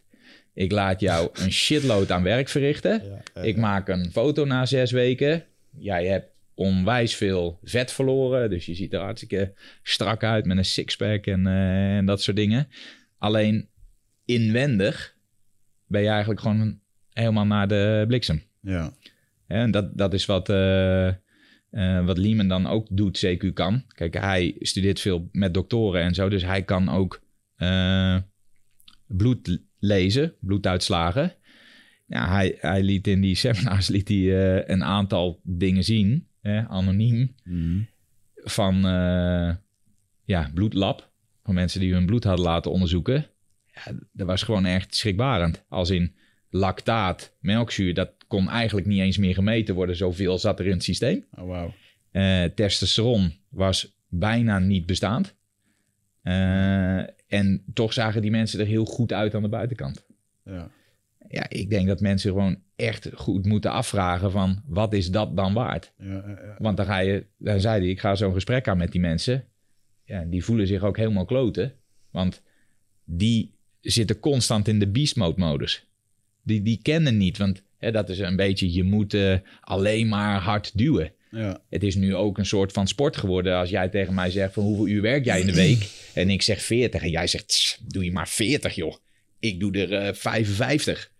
Slaap jij 8 uur per nacht? Ik maar 4 ja. ik zou het echt tof vinden als er de, de eerste, de beste klant die binnenkomt, die zei: Ik werk 30 uur in de week, ik slaap 10 uur per nacht. En, Ja. en ik vind het top zo. Dan, dan, dan hang ik echt de vlag uit. ja, het, sla- het stukje slapen is wel steeds populairder aan het worden ook. Of Ja, tenminste, ik het, nou ja, het wordt zichtbaarder en het, het wordt Je merkt gelukkig wel dat er wel steeds meer mensen bewust hiermee bezig zijn. En dat er heel veel mensen eh, ja, dingen over lezen, leren, andere mensen vertellen. Dus mensen toch wel een beetje gaan nadenken, gelukkig, van ja, hm, ja, ja, zit eigenlijk wel wat in. Je kan echt eigenlijk gewoon dingen gaan voorspellen met mensen. Weet je, want als ik dat soort dingen zie in zo'n intakelijst van, nou, door de week slaap ik zes uur per nacht en in het weekend dan doe ik iets langer, zeven of zo. Nou, dan zie ik wat andere dingetjes en een volgende vraag is dan altijd, oké, word je snel zuur? Ja, bijna altijd is dan het antwoord ja. Ja. Ja, de, de mensen ademen niet, krijgen te weinig rust, herstellen gewoon niet en komen gewoon echt veel te snel in die visueuze cirkel. Hmm. En met dit soort dingen kan ik in ieder geval zelf een beetje uit de discussie stappen. Dan wordt het niet een wel eens niet een spelletje tussen jou en mij van heb je wel of geen stress. Maar ik zeg gewoon, ja, dit is wat de data zegt. Ja. De data, als je die gaat interpreteren, zegt dit. Dit zijn een soort van grenswaardes, hè, of eh, dit zijn de piketpaaltjes. Daartussen kun je gewoon prima bewegen. Ja, je zit gewoon ver aan de ondergrens. Ja, ja, ja. ja. ja. Dan komt uh, de discussie over zware botten niet meer voor. uh, nee, nee. Maar weet je, iedereen houdt zichzelf dat soort dingen voor. Ik ook, hè. Zo van, ja, nee, dat is voor mij niet haalbaar, want... Ja, mm. dat is ook gewoon bullshit. Ja. ja. Hoe, hoe lang is het traject van least naar beast? Gemiddeld? Of is dat ook niet... Nee, dit is lastig, want je, je, dat is echt heel erg persoonsafhankelijk. Ik ben de laatste tijd bijvoorbeeld wel met mensen bezig geweest... die als je zeg maar echt least, least moet beginnen, ja, dan laat ik mensen gewoon alleen maar wandelen. Ja. En oké, als dat oké gaat, van nou, dat, dat gaat prima, voel ik me goed bij. Uh, dan laat je ze bijvoorbeeld tussen 130, 150 hartslagen per minuut wat cardiovasculair werk doen. Ja. Maar daarbij is het eigenlijk de bedoeling dat je constant door je neus zou moeten kunnen ademen. Je moet in ieder geval met mij zouden, uh, je moet kunnen blijven praten, zeg maar. Dus je mag, niet, je mag geen verhoogde hartslag krijgen. En het allerbelangrijkste is, je mag niet verzuren. Ja. Ik zet mensen op een fiets, ze doen een hartslagmeterband om. Dan heb ik al een aardige inschatting gemaakt waar ze zitten. Ik zeg, begin jij zelfs maar iets lichter. Ik wil niet dat je hartslag boven de 135 komt. Hmm. Die zitten op 125 hartslagen per minuut. Zeggen ze, ja, mijn benen lopen vol. Ja. Dan zit je echt lies lies hoor. Ja. En terwijl die mensen ook van trainers bijvoorbeeld het advies krijgen: doe even uh, vijf tot acht herhalingen maximaal. Ja, ja dat, die, die, die, dat hebben ze gewoon niet in zich. Ja, uh, is het leuk voor jou om uh, uh, als trainer daarmee bezig te zijn met de Ja. onderkant van de markt? Als ik het zo over mag zeggen. Ja, ja, nee, ja het, het is, ik vind dat superleuk. Het is Ja. heel uitdagend en soms tussen haakjes zwaar. Het ondertussen even een livestream aanzetten bij ons in de Facebookgroep. Ja, dat top. doen we altijd. eh, Maar goed. eh, Het- soms is het, eh, ja, frustrerend is dan niet het goede woord. Eh, dat is dan waarschijnlijk meer mijn eigen, eh, mijn eigen ding. mhm. Ik wil mensen gewoon heel graag bewust maken en helpen. En ja, ik wil soms wat sneller dan een ander. En ik denk bijvoorbeeld heel makkelijk, ja, hoezo wil jij niet 's ochtends gewoon een meter omdoen en het even meten, Wigert? Ja, En dat snap ik dan soms niet. Con- controle denk ik, confronterend. Nou, ik denk met name dat laatste. Wat me, daar, zo begonnen we ook een beetje op het gebied van voeding. Van ja, Wigert, wat verwacht je van mij? Jij weet zelf ook al wel eh, vrij veel hè, over voeding. Dus ga ik nou nu jou een, een voedingsschema geven? Dat je 's ochtends geen eh, vier witte boterhammen met chocopasta moet eten... maar dat het misschien slimmer is om een eh groenteomelet te maken. Dat weet jij zelf ook wel. Ja, En, en nu, die mensen weten diep van binnen waarschijnlijk wel van ja, als ik dat ga doen, dan gaat er waarschijnlijk uitkomen dat mijn waardes niet zo goed zijn. Wat, wat ik vooral probeer te kaderen als ik met mensen aan de gang ga, is, eh, en dat is lastig, dat, dat eh, merk ik voor mezelf ook wel, is ehm, zo'n waarde op zichzelf zegt nog niet per definitie heel veel. Hè? Dus dat, Ja. dat kader ik wel naar mensen. Kijk, als daar, het is ook maar gewoon een getal. Net als gewicht op de weegschaal een getal is. Of vetpercentage. Of er zijn zoveel andere factoren die ik steeds belangrijker eh, ga vinden als trainer. Of iemand vooruit gaat. Ja. Hoe is je humeur? ja. Ja? Hoe is je eetlust? Hoe is je stoelgang? Word je uitgerust wakker? Eh, hoe is je energie gedurende de dag? Allemaal minder objectieve data, maar dat zegt wel ongelooflijk veel. ja. En dat is eigenlijk het eerste wat mensen gaan merken, maar dat is niet waar ze zelf naar op zoek zijn. Want ze willen een getal op de weegschaal naar beneden zien gaan. Eh, ik ben nu met iemand bezig, die is vorige week twee keer wezen trainen. Eh, die is anderhalve week begonnen. Basis. Slapen, ik wil dat je water drinkt. Ze is de afgelopen week twee keer bij mij wezen trainen. En ze heeft drie keer een wandeling van 45 minuten gemaakt de afgelopen week. Ze is meer water gaan drinken, wat minder cappuccino, eh, wat eerder naar bed. En die is nu 1,8 kilo afgevallen. Ja. En het is allemaal Hosanna. Wat geweldig, is me nog nooit eerder gelukt. Ja, is dat 1,8? Is dat 0,5? Ja. Mij boeit het niet zoveel. Nee. Wat ik, wat ik super tof vind, is dat ik haar al binnen zie komen en ze kijkt al blij eruit de ogen. Ja. Want ze- ja, dit, dit is me eigenlijk nog nooit gelukt, dit. Hmm. Oké, maar je moet je beseffen dat je dit structureel moet doen. Ja, je moet dit blijven doen. Dit is normaal bewegen, dat Ja. hoort erbij. Ja. En tuurlijk is dat een uitdaging. Kantoorbaan, kinderen thuis, eh, dit moet nog, dat moet nog. Ik ben er echt van overtuigd, je kan alleen maar structureel de stappen maken als je eerst stappen terug doet. En of je dat zelf kan, bijna niet.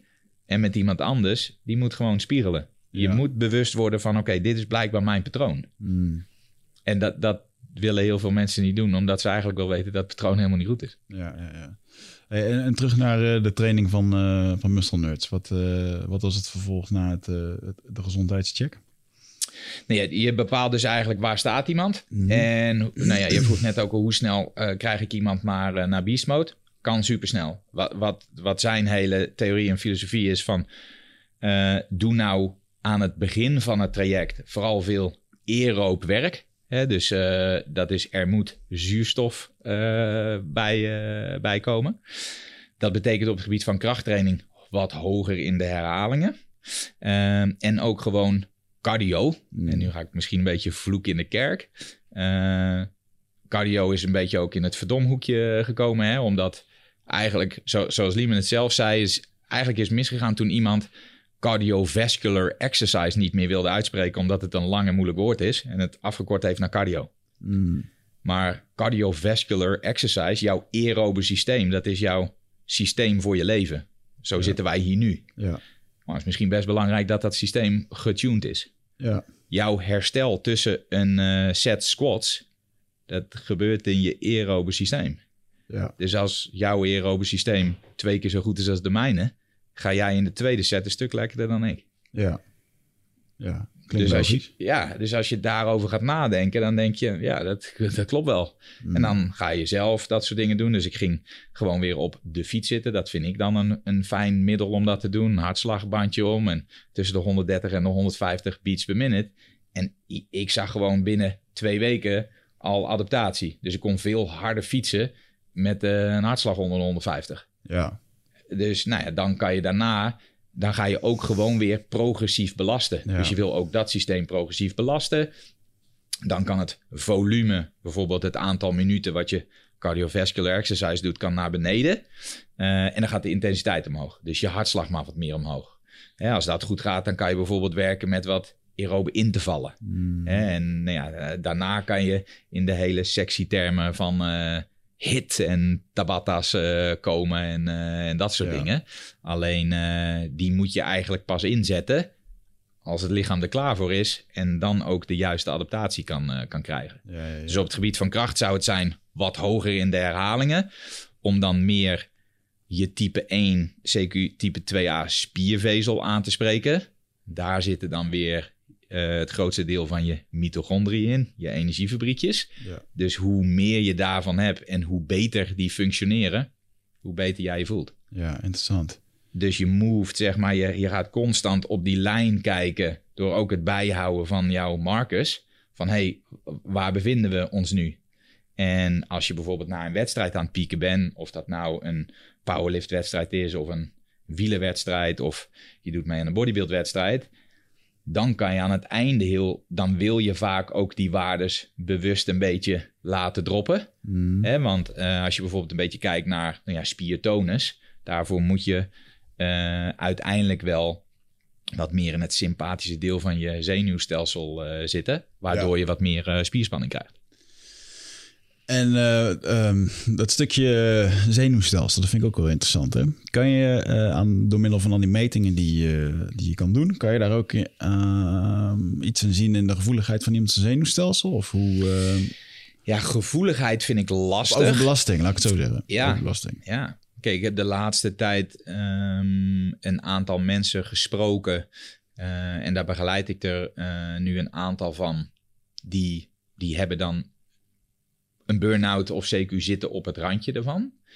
Eh, ja, dan ga je die dingen meten. En dan gebeurt er precies waarvan ik nu weet dat dat dan de uitkomst is. Namelijk bij mannen vaak een hele hoge bloeddruk. Bij sommige vrouwen echt een lage bloeddruk. Maar vooral hoge ochtendhartslag en een lage HRV. Ja. En dan ga je met die mensen ook in gesprek. Hey, is het zwaar als je een keer de trap op moet lopen? Ja, pff, moet boven wel. Heb ik wel, merk ik wel al zware benen. Mm. Dus je, je kunt eigenlijk gewoon dingen gaan uittekenen. En dat eh, geeft zo'n HRV-waarde, geeft dat gewoon heel erg eh, makkelijk aan. Ja, ja, ja. En ik zie jou ook met eh, de, Ora, de Aura-ring. Heet Ja. het? Ik heb Ja. er ook naar zitten kijken. Een ring die bijhoudt. Wat houdt het bij? Je slaap. Met name slaap. En daar is bij mij uitgekomen dat ik eh, heel weinig diepe slaap krijg.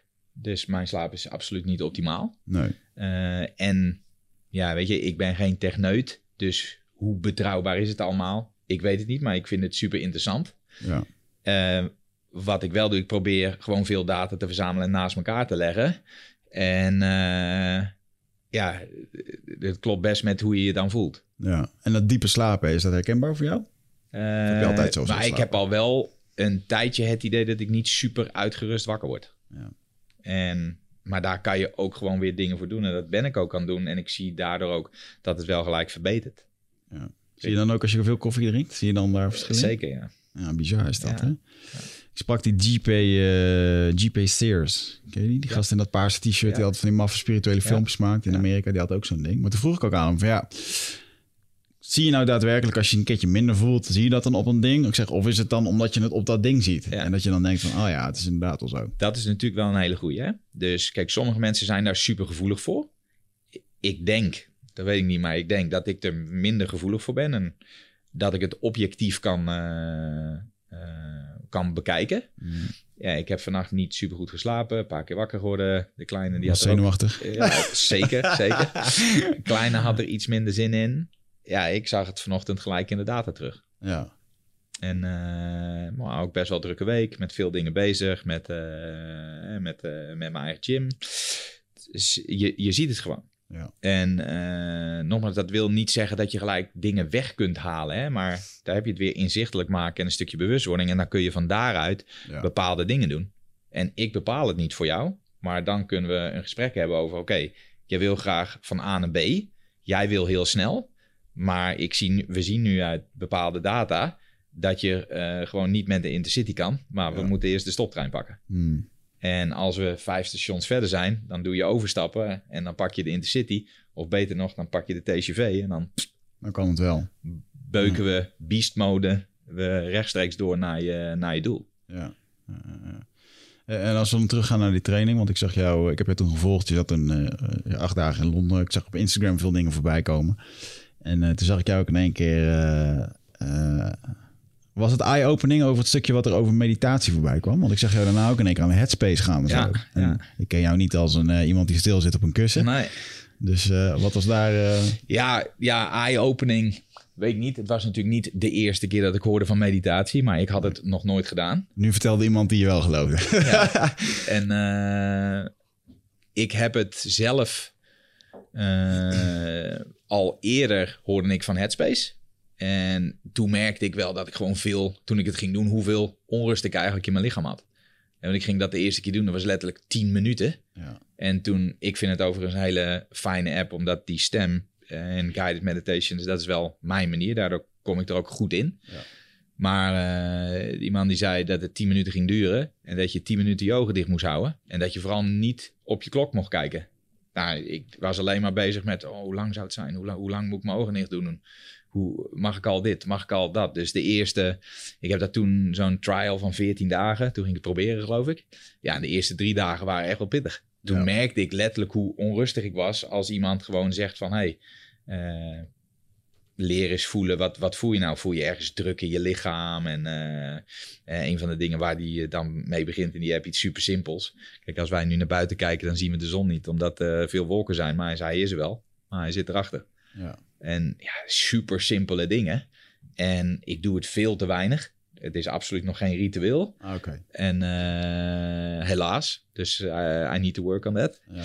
Maar ik merk wel dat als ik dat twee, drie, vier keer, vijf keer doe zonder hele lange tussenposes, dat ik me daar wel heel fijn bij voel, ja. Ja, ja. Het is natuurlijk een hype ook wel. ja, Ik, ik denk ook wel dat het goed is hoor, want er zijn veel te veel. Ik vind het lastig man. Je bent eh, met een kwartiertje mediteren per dag. eh, heb je nog niet je andere 23 uur voor, ingevuld. zeker niet. En eh, als dat gepaard gaat met heel veel koffie en... eh, Weet je, zo, zo blijft het nog steeds. Hè? Kijk, daar ga je weer. Mensen zijn dan eerst nog niet die stap teruggegaan. Kijk, voor sommige mensen die gaan echt heel goed op mediteren. hmm, Eh, voor andere mensen is het bijvoorbeeld eh, massage. Of eh, wandelen met de hond in het bos. Alleen, het moet iets zijn waardoor je systeem, je zenuwstelsel ontspant. ja, En waardoor je echt letterlijk in het parasympathische deel komt. Ja. Als je bijvoorbeeld kijkt hoeveel impact dat heeft, zonder heel ver op de inhoud te gaan. Als je niet in dat deel van je systeem zit, dan verteer je je eten niet goed. nee, Nou, denk je dat dat impact heeft? Dat, Ja, dat denk ik wel. wel. bizar hè? Dus als je ziet, en eh, ik maak me er ook schuldig aan, je schuift het eigenlijk gewoon naar binnen. We kauwen te weinig. We hebben binnen no time een, eh, een bord met voedsel eh, leeg. Er gebeuren, ja, downstream gebeuren er gewoon heel veel nadelige dingen.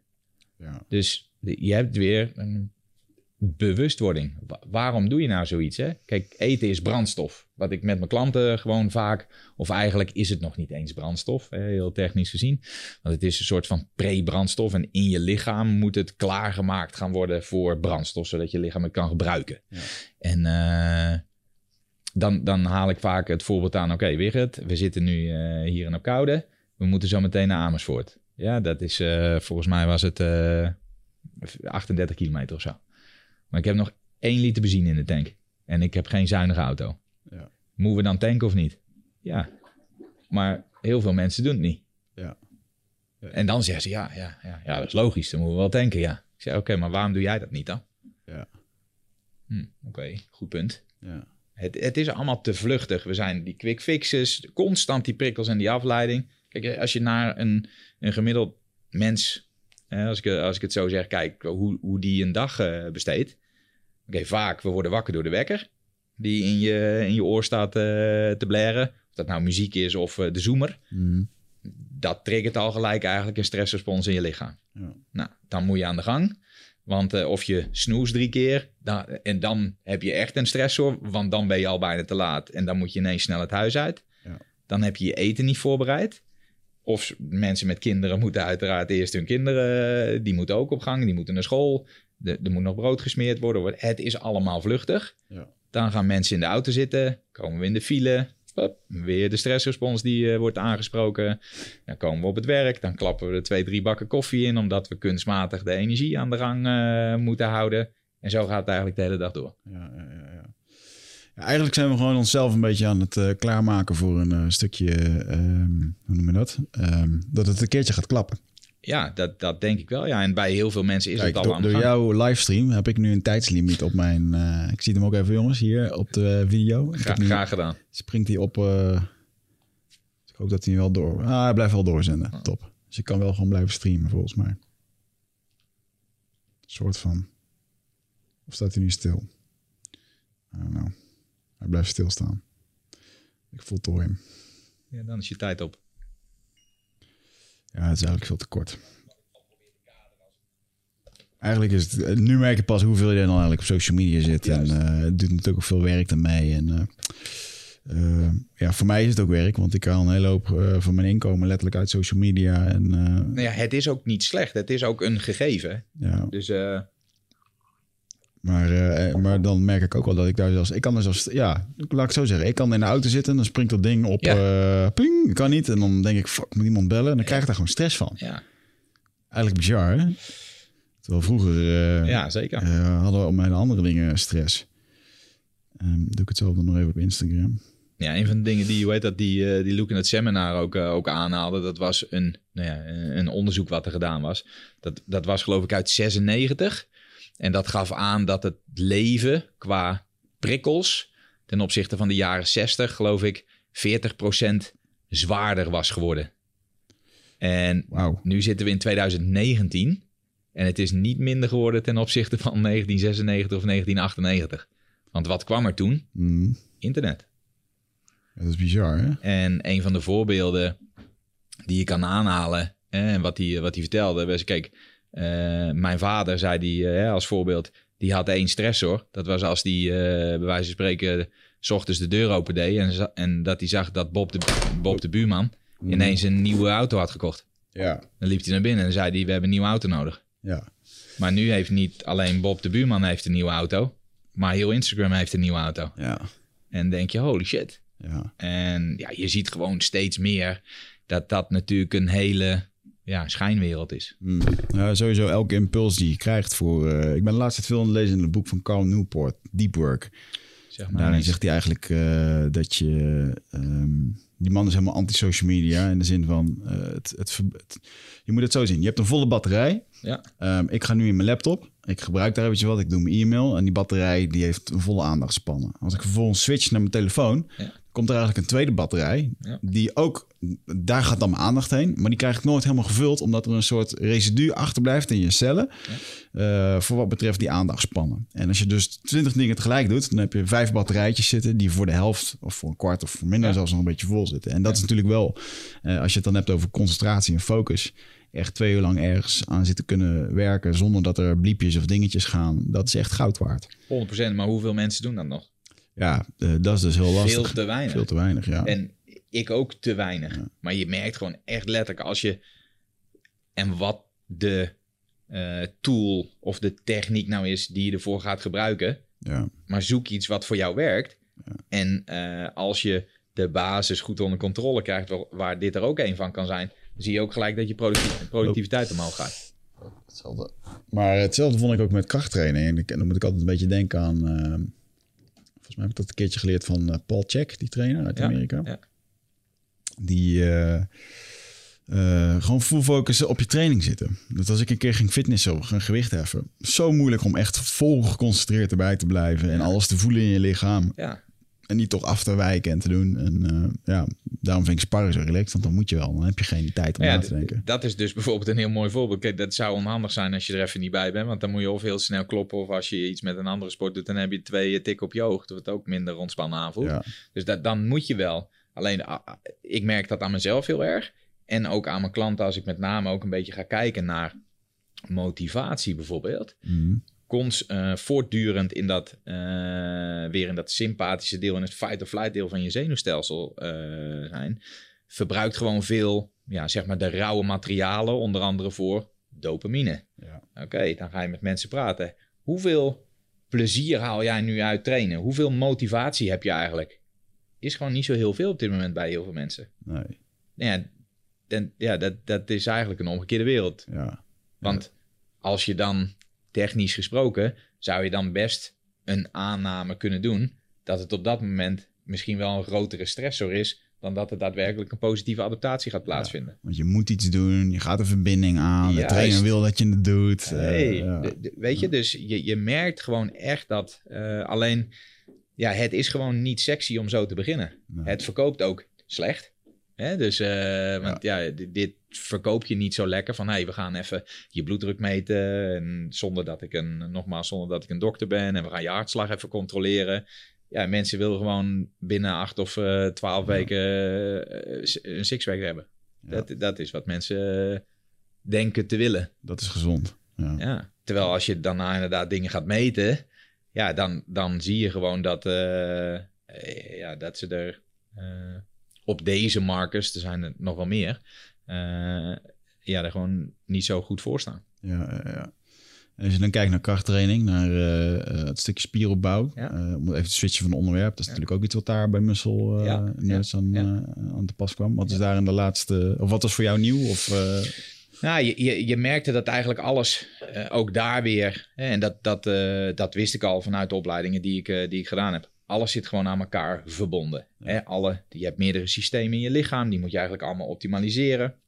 En ehm, alleen een van de dingen die ik daar eh, heb gehoord, geleerd, veel met hem over aan te sparren ben nog steeds. Ik heb goed contact met hem, dus ik, eh, we contacten elkaar eh, relatief veel.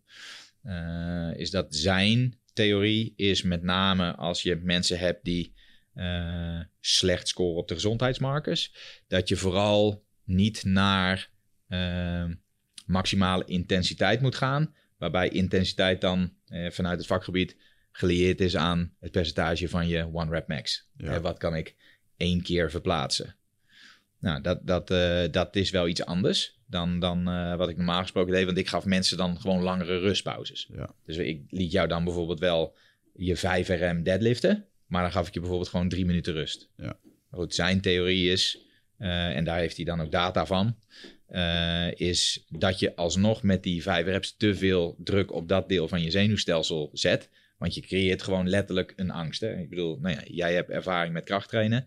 Nou is het met een deadlift ietsje anders dan met een squat. Want als je voor een gewicht gaat staan wat je van de grond af moet duwen met Ja. je benen, zeg maar, in een deadlift. En het lukt niet, dan gebeurt er niks. Dan blijft het gewicht gewoon op de grond.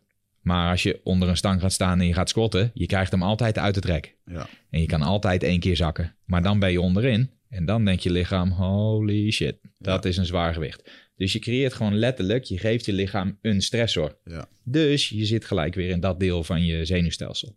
En hij is dan meer een voorstander van om daar ver van weg te blijven. En inderdaad op een andere manier trainingsprikkels te, te geven. Ja. Waardoor je eh, wat andere systemen aanspreekt. Je bent het aan het optimaliseren. Die gezondheidsmarkers bewegen de goede kant op. En van daaruit kan je dan langzaam hier naartoe bewegen. Ja. En dan kijk ik wel, als je dit dan zo hoort, dan kijk je in één keer wel met een heel ander oog naar eh, een CrossFit box waar iemand zich aanmeldt en eh, let's go, weet je wel? Ja, kijk, weet je wat, ehm, wat ik heel lastig vind? Ik gebruik ook vaak CrossFit als voorbeeld omdat het gewoon voor heel veel mensen bekend is. Maar het maakt letterlijk niet uit wat Nee. je doet. Je kan ook bootcampen op maandagavond in het park. Je kan ook naar Ja. een personal training studio gaan waar, waar, waar ik sta. Of eh, ik hoop niet, maar een andere trainer. Die, en dat blijft helaas nog steeds de trend. Als je maar super moe wordt en een soort van halfspurende zalen eh, verlaat, dan heb je een goede training gehad. Ja. Nou ja, voor twee mensen van de tien misschien wel. Maar hoe zit het dan met die acht andere mensen? Ja. Ja, ze gaan wel lekker. Ja, ze worden wel sterker. Ja, dat klopt. Hoe is je slaap? Ja, niet, niet super best. Mm, Hoe, hoe, is je humeur eigenlijk?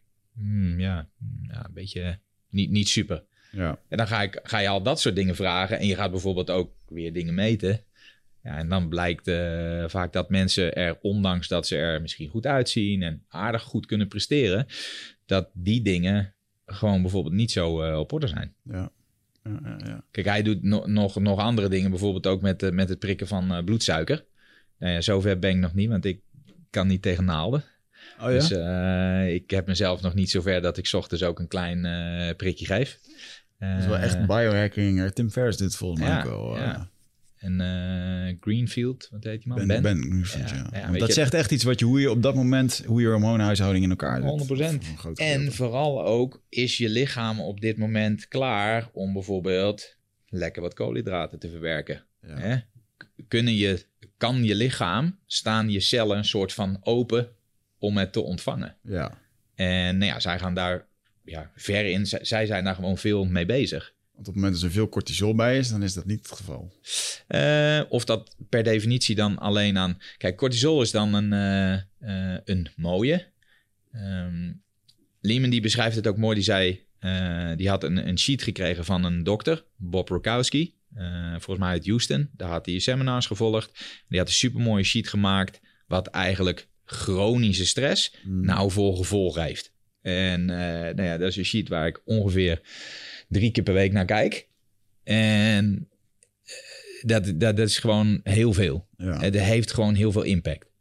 Dat is niet alleen maar cortisol. Waarom mensen vaak praten over cortisol, is omdat het lang meetbaar is. Mm. En daardoor is het een goede marker. Maar ehm, om een beetje weg te gaan om nou bijvoorbeeld cortisol in een verdomhoekje te plaatsen, waarom zouden we niet gewoon een, een, de paraplu stress gebruiken? Ja. Stressoren, Ja, ja, ja. eh, prikkels, whatever. Maar eh, focus niet op één zo'n punt. Eh, en nou ja, kijk eens downstream, zeg maar, wat er dan allemaal, allemaal gebeurt. ja. En ehm, je, je merkt wel bij de mensen die het allemaal op orde hebben, als die 's ochtends nuchter hun bloedsuiker prikken, die zitten allemaal goed. Ja. Want ik eh, heb nog veel eh, contact ook met een hoop eh, jongens daar van die opleiding. Mhm. Die, nou ja, die gelukkig niet zo bang zijn voor naalden. Dus die doen dat wel vaak. Ja, en, en je kunt dan ook gewoon zien van... Hey, ik ga nu deze trainingsfase in. waarbij je bijvoorbeeld als je ehm, meer metabol gaat werken... Hè, dus kortere rustpauzes, hoger in de herhalingen... Hè, of bodybuild-stijl, je wil echt naar hypertrofie toe... je doet eh, giant sets of, of, of noem het allemaal op... Ja, daar heeft je lichaam, je lichaam gewoon glucose voor nodig. Ja, Alleen dat, dat is natuurlijk ook nog wel steeds in heel veel gevallen in een verdomhoekje geplaatst. Want die zouden dan, eh, koolhydraten zouden dan een soort van heel slecht zijn eh, Mm. voor je. Nee, de vraag is hoe, hoe goed kan jij er tegen? En als je nou zegt van eh, sommige mensen die 's ochtends wakker worden, eh, je cellen staan misschien niet open voor koolhydraten. Dat Ja. heeft er dan dus mee te maken dat je cellen eh, alle voedingsstoffen in zich hebben, de glucose, glucose kunnen ontvangen in een bepaalde staat. Ja, wat het in ieder geval aangeeft is dat je eh, een hoge mate van stress ervaart in je lichaam. Ja. En waardoor je dat op dat moment gewoon niet zo goed kan afbreken en je cellen het kunnen opnemen. Dat, dat is een beetje het idee. Ja. Dus wat dan slim zou kunnen zijn, is om ervoor te zorgen, bijvoorbeeld door tijdelijk ietsje minder koolhydraten te eten of ze beter te timen rondom je training. Ja. Hè? Net iets ervoor of daarna. Ehm, in plaats van in de ochtend en daarna eerst vijf uur op kantoor te zitten en niks te doen. Ja. Dus dan kan je veel meer in de details komen. Dan kan je veel meer gaan tweaken van... hey, je hebt de basis heel goed op orde. Nu gaan we bijvoorbeeld eens kijken naar de timing van voedingsstoffen. Ja. Alleen de meeste mensen hebben dat gewoon allemaal niet nodig. Die moeten gewoon terug naar de basis. Ja, ja, ja. De meeste bloedprikkers die ik online eh, volg, dat zijn de, de keto- ketogenic eh, diet volgers. Ja, ja, Omdat je daar natuurlijk continu eh, ja, in je waardes moet blijven. ja. Voorstander van? Ik weet er gewoon te weinig van. Ehm, veel over gelezen. In die cursus krijg je ook veel recommended readings. Nou, de, de afgelopen jaren heb ik denk ik twintig boeken aangeschaft... waar ik er pas vier van heb gelezen. Dus ik heb nog meer dan genoeg materiaal liggen. Taaie stof. Eh, ja, best wel taaie stof. En, en eh, ja, dat is iets. eh, ik, ik zou, als mensen er echt meer over willen weten, dan, dan denk ik niet dat, het, dat ik ze daar alles over kan vertellen. Ik weet er wel iets van, puur de basis. Maar ik denk dat het ook niet per definitie iets is waar mensen naar op zoek zouden moeten. Omdat het ook niet per definitie nodig is Ja. om je fit, vitaal te voelen en beter te presteren. Ja. Kijk, als je kijkt naar de, zeg maar, ehm,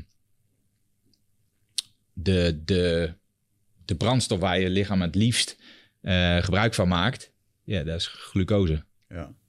En het kan ook absoluut op eh, ketonen functioneren, maar dan moet je lichaam wel aan de gang. Het Ja. is niet zeg maar de meest makkelijke manier om, eh, om dingen te doen. ja. Dus, maar daar heb je het weer.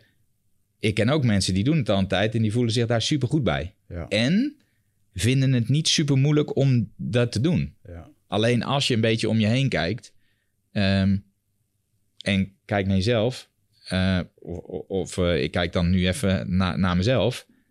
Ja, ik vind koolhydraten ook gewoon lekker.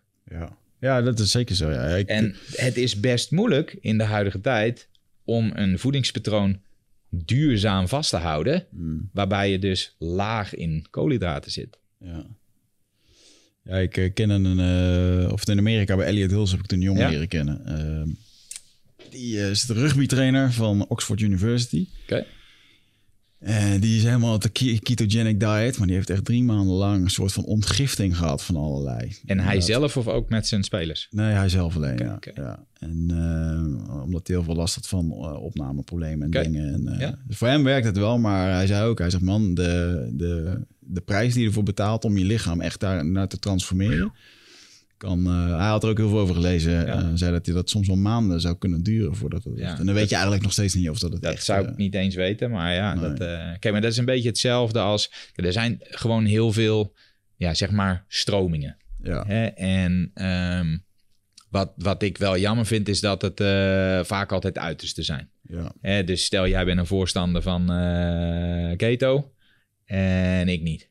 Dan Ja. kunnen we geen fatsoenlijk gesprek hebben. nee, Want ik weet zeker dat jij onzin verkondigt. En jij weet zeker dat ik eh, onzin verkondig. Oké, waarom zou het niet ergens in het midden kunnen liggen? ja, true. Hè? En ehm, ja, als je, als je kijkt hoe, hoe maakt het lichaam energie aan? Hè? En eh, waar haalt je lichaam energie vandaan? Mitochondriën, ATP aanmaken. Ja. Eh, waar gaat je lichaam lekker op bij inspanning? Ja, dat, dat is eh, ook wel eh, glucose. En je ziet best wel vaak dat de prestaties ja, minder worden. Ja, Als je alleen maar als topatleet ketogeen zou zijn ja, dat dat soort dingen wel gezondheidsbevorderende.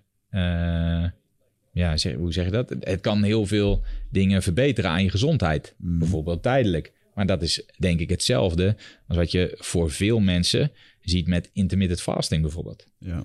Kijk, sommige mensen gaan daar super goed op. ja, ik ook. Nou, vinden het ook echt fijn en prima om te doen. Ja. Tot 10 uur, 12 uur, nee, whatever.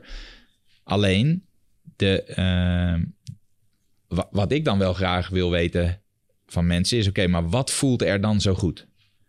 Hè, veel mensen koppelen het dan weer aan afvallen. Mm. Of ik word leaner. Ik verbrand vet. Oké, gaan we het zeg maar eh plat slaan. Maar wat gebeurt er dan als je dit doet? Voor veel mensen. Ik zeg niet dat iedereen dat doet. Voor veel mensen noem ik het eigenlijk niet zozeer intermittent fasting, maar meer time restricted eating. Ja. Want je mag maar in een bepaalde periode eten. En heel veel mensen lukt het niet om in die periode hetzelfde te eten als wat ze ervoor deden. Ja. Dat, ja, dat was het la- het lastige ik met jou ging trainen om eh, de kast wat groter te krijgen. Ja. En eh, dat ik s'avonds met een liter, eh, wat was het? Slagroom en, Ja. eh en Ja, kwark op de bank moet je zat. lichaam die, die nutriënten dan binnenkrijgen. Ja, en dat was super lastig. Omdat, en ik ben sowieso, vind ik het moeilijk om veel te eten. Oké. En de zes keer per dag eten ging me ook tegenstaan. Ja. Nee, ik denk dat voor heel veel mensen ook niet nodig is. Maar ik probeer nu op de zondagavond weer de groentes in de oven te gooien. En Ja. voor heel de week echt flink aan de pastinaken, zoete Ja. aardappel en dat Ja. soort dingen. Top.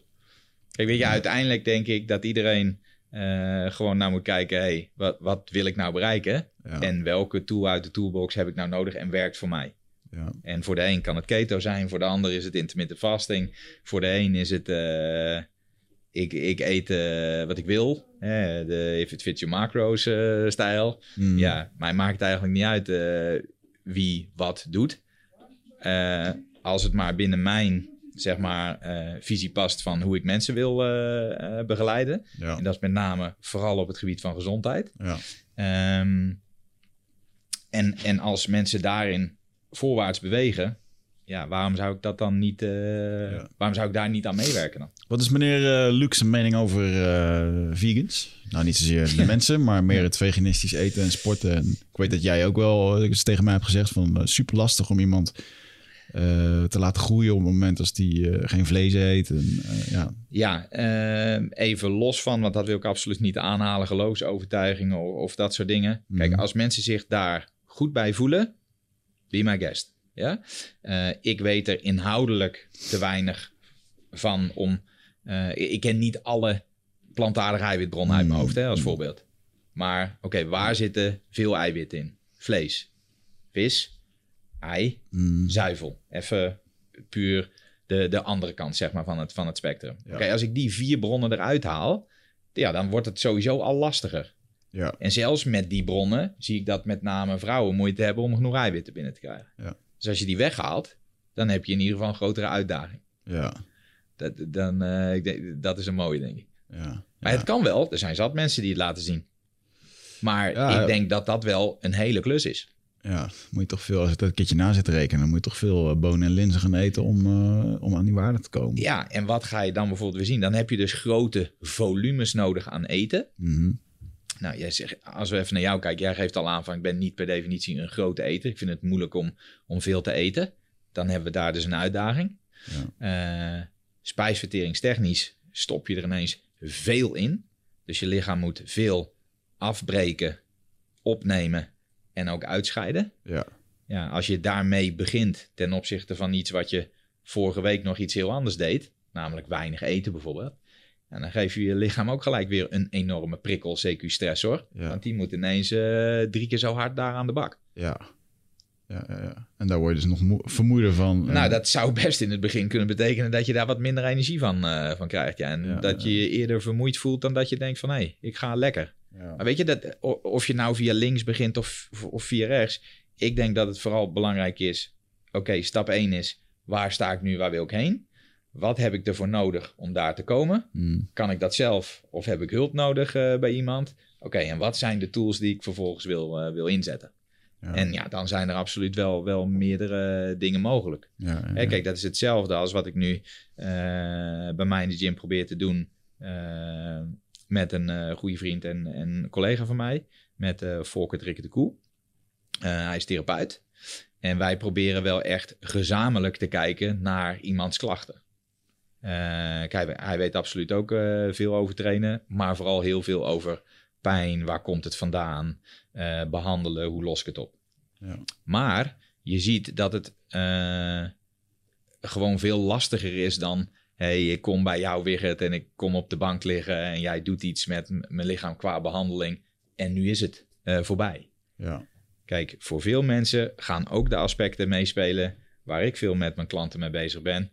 Hoe is je slaap? Mm. Hoe is, eh, hoeveel water drink je? Wat is eigenlijk je voedingspatroon? Hè, ik bedoel, er zijn eh, zat dingen duidelijk over darmen met een verbinding met lage onderrug. Nou, oké, mensen hebben... Hoeveel mensen ken jij die last hebben van hun onderrug? Dat is een verbinding met elkaar? Daar, ja, want daar de- zit een verbinding. want ja. waar je pijn hebt, daar zit eigenlijk nooit de oorzaak. Ja, Toch? ja bijna, eh, bijna nooit. Want het is altijd een compensatiepatroon. Ja. En alleen die moet je wel vinden. En dat is wel lastig. Dat is wel lastiger dan veel mensen denken. Ja. En eh, dat is inmiddels wel mijn overtuiging. Je kan dat vinden, alleen daar moet je gezamenlijk wel aan werken. Ja. Alleen dan krijg je vaak, als ik tegen jou zeg: Oké, Wigert, we hebben nu bijvoorbeeld iets gedaan met je heup. Of eh, wat Volkert vaak doet, eh, die begint vanuit de voet. En die ziet bijvoorbeeld dat eh, je kuitbeen niet, niet helemaal goed staat. Dus hij heeft technieken waarop hij dat kan, eh, eh, kan goedzetten, kan, kan manipuleren. Oké, het is nu zaak om met deze nieuwe situatie input te gaan geven aan je lichaam. Ja. Dus we zien je over twee weken weer, of volgende week weer. Maar we willen wel dat je nu om de dag 30 minuten wandelt buiten. En dan kom je over acht, negen dagen kom je terug. Hé hey Wigert, heb jij gewandeld? Nee, daar had ik geen tijd voor. Ja. Ja, Ja, ik weet nog En dat... dan? eh, dat- je gaf dat inderdaad als opdracht op de, de rusthersteldagen. Ja. 10.000 stappen. ja weet je, en dan is 10.000 is eh, ook arbitrair. Eh, dat kunnen er voor sommige mensen ook eh 7500 of 8000 zijn. Ah, ja, ja. Eh, alleen bij 10.000 moet je gewoon echt wel even lekker lopen. ja. En dat heeft dan niet zozeer te maken met het feit dat ik per se wil dat je 10.000 zet. Nee. Maar meer dat je naar buiten moet en ook daglicht krijgt en een beetje ontspant. Het was eh, in de zomer precies de afstand van mij naar de ijskomman op de dijk. Nou, als, als dat jou ontspande om daarna een ijsje, Ja, ja, een ik ijsje vond te halen bij de ijskerman, dan, Ja. eh, dan is dat helemaal prima. Ja, ja, ja zeker ja. Hey, eh, daarna heb je nog alleen één op één gezeten met. Mr. Luke. En heb je dan een... je mocht zelf kiezen waar je het over wilde hebben. Ja. Wat, wat heb je besproken met hem? Wat, wat Heel was veel. Ja, ik probeer het dan met name zo praktisch mogelijk te maken voor mezelf. Dus ik heb veel case studies eh, gewoon besproken. Van ik, heb, ik train Wigert. Wigert eh is een drukke ondernemer. Die eh, wil BJJ'en, maar hij wil eigenlijk ook wat meer spiermassa. Dit is zijn status. Ja. Dit zijn zijn prestaties, dit is wat hij doet.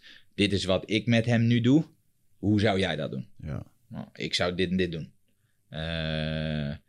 En zonder dat dat een... Oké, wat je doet klopt niet. Maar meer echt heel onderbouwd van... Hey, als je nou daar naartoe wil... dan heb je eigenlijk deze adaptatie nodig. Dan moet je eigenlijk deze trainingsprikkel geven. En nou ja, dat eh, zat heel vaak eh, ook in zijn optiek aan de goede kant van de score. Dus dat was heel fijn. Ja. Eh, dat was denk ik ook een van de redenen waarom die me op de laatste dag van zijn seminar ineens de stift eh, gooide. En dat ik de laatste drie uur voor zijn bord mocht komen staan om dingen uit te tekenen met case studies. Oh, cool. En ehm, ja, we hebben daar over, eh, over gewoon heel veel dingen gesproken. Over gezondheid. Hoe, ja, hoe benader jij dat nou met mensen? Hij heeft veel dingen verteld over wat hij gedaan heeft. Wat hij anders zou doen als hij het nu opnieuw moest, eh, moest doen. Kijk, hij zei ook, het liefst zou ik een tijdmachine hebben. Ja. Dan zou ik teruggaan in de tijd en dan zou ik mezelf voor mijn kloten schoppen. Ja. Want hij stond bekend, zei hij, als de een soort van het laatste redmiddel voor mensen om naartoe te gaan die in aanmerking kwamen voor een eh, maagverkleining. Ja. Eh, en zijn eerste klant, zei hij, was eh, 300 kilo. Wat bizar. hè? Ja, en die moest naar 250. En uh, da daar deden ze dan blijkbaar in, uh, in Amerika uh, maagverkleining. Dan moest je 250, mocht niet meer zijn. Dus dan, dan kwamen mensen bij hem en dan ging hij mensen dan klaarstomen.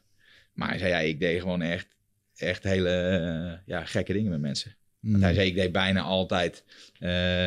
Miloslav Sarcev is een bekende bodybuilder. En die heeft giant sets. Dus is eigenlijk vier oefeningen nou, sommige mensen die, die kiezen gewoon vier oefeningen achter elkaar.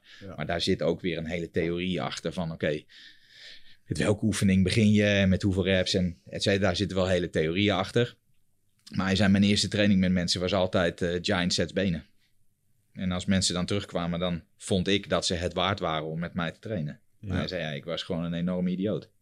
Ja. Dat, dat, dat kan helemaal niet. Want hij zei, dat deed ik met Wigert, die aardig uh, getraind was. Maar hij zei, dat deed ik ook met Mien van drie hoog achter. Ja. Ja, en dan kwam Mien van drie hoog achter, die kwam nooit meer terug. dus uh, dan zei ik, nou, dan moet je het zelf weten. Dan, dan wil, je, wil je het blijkbaar niet. Of, nou ja, weet je, uh, dat soort dingen. Ja. Dus het is, het, ik vind het mooi om, uh, en de, weet je, dat zijn dingen, ik kijk dat ook. Ik hou al mijn data bij van al mijn klanten. En ik kijk nu ook wel naar de eerste trainingsschema's die ik deed met mensen bij mij in de gym. Dat ik denk, maar, dus ik zou het nu niet meer zo doen. Je wilde alleen maar aanpoters hebben. Uh, ja, ja, weet je. Dus uh, denkt, oké, we gaan wel gas geven. Nou, en nu is dat hele aspect van gezondheid er, uh, erbij gekomen. Ja. Dus wat ik nu ook wel merk, is dat ik gewoon... Weet je, vanochtend ook. Vanochtend 7 uur, small group training, een uur. Drie, drie man in de, in de training.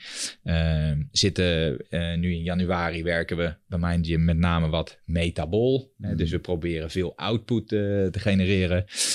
doen we eigenlijk noem het circuittraining op een, het laatste deel van de, van de training combineer ik vier oefeningen. En daar zit ook een oefening in waarbij echt je hartslag omhoog gaat. Hè? Een assault bike of een ski-ergometer of een roeier of de prowler, de slee. Ja.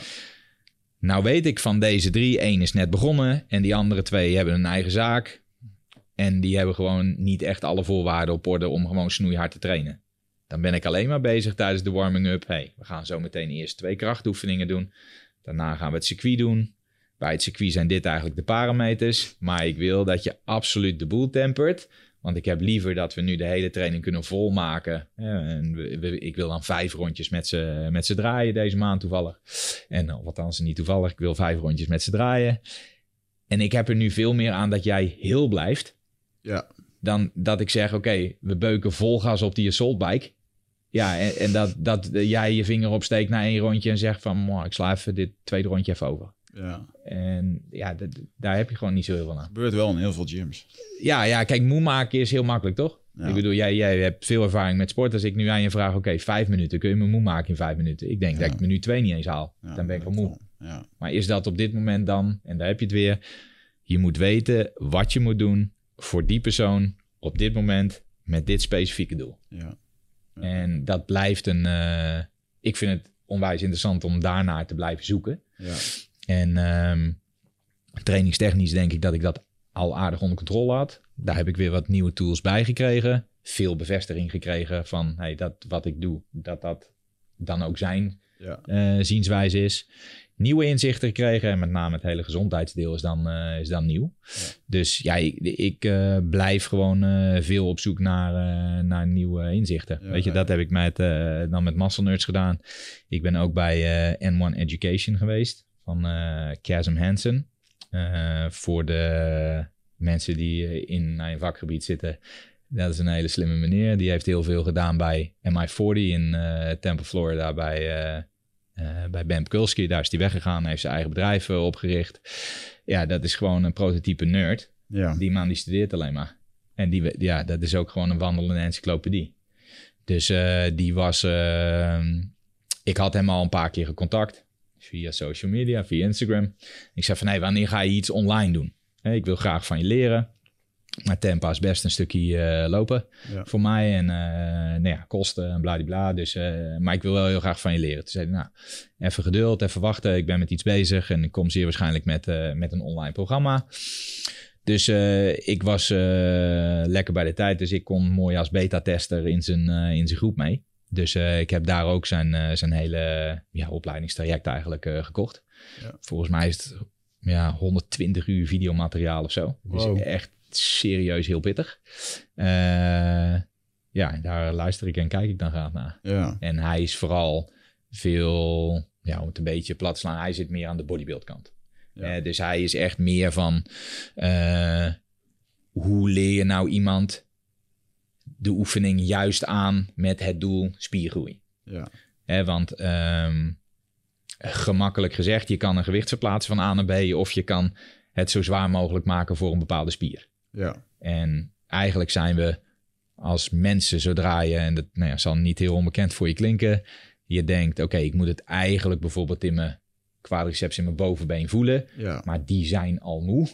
Dus als ik nou dit verander, dan kan ik mijn billen en mijn hamstrings lekker gebruiken, waardoor ik ineens nog vijf keer het gewicht kan verplaatsen. Ja. Als dat je doel is, dan moet je dat 100% doen. Ja. Maar als het doel is, ik wil mijn quadriceps de juiste prikkel geven, dan moet je dat dus vooral niet doen. Ja, dat waren de steps die je mij liet doen. eh, Ja, onder andere, ja. Waar die ik gewoon met mijn eigen gewicht niet vol kon houden. Waar jij me ondersteunde, omdat ik het vervolgens niet... Ja. Ja, ja en dan inderdaad eh, waarbij je je kont gaat aanspannen. Je, ja, ja, ja, ja. En daar, daar is hij heel erg veel mee bezig. En eh, nou ja, daar heb ik eh zijn online eh, cursus, daar ben ik mee bezig. Daar ben ik uiteraard nog lang niet klaar mee. Want dat is, ja, ik, ik zei van de week toevallig tegen, tegen een vriendin van mij. En ook gisteren ook nog tegen, mijn tegen mijn eigen vriendin. Ik zou eigenlijk wel een soort van de wereld even op pauze willen zetten. En Mhm. dat ik alleen even drie weken mijn ding kan doen. En dat, dat alles staat stil, dus dat gaat niet verder. En dan kan ik gewoon drie weken even dit soort dingen doen. Luisteren, leren en kijken en doen wat ik leuk vind. Buiten nou ja, het eh rijlen en zeilen eh, van de gym en eh, gezin en, en, en alle andere dingen. En ehm, ja, zijn, zij zijn vooral heel erg bezig met de setup van een oefening, noemen ze dat.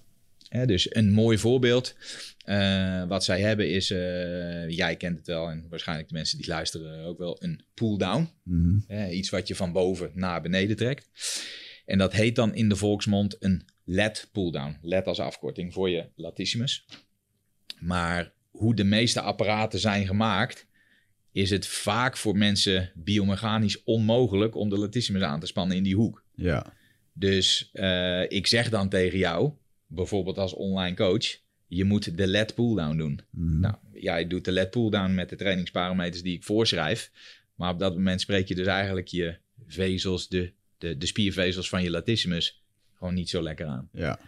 Dus zij zijn daar en dat gaat wel echt tot in detail hoor. En nou ja, voor eh, de meeste mensen die hebben dat niet nodig om zo in detail eh, daarmee bezig te zijn.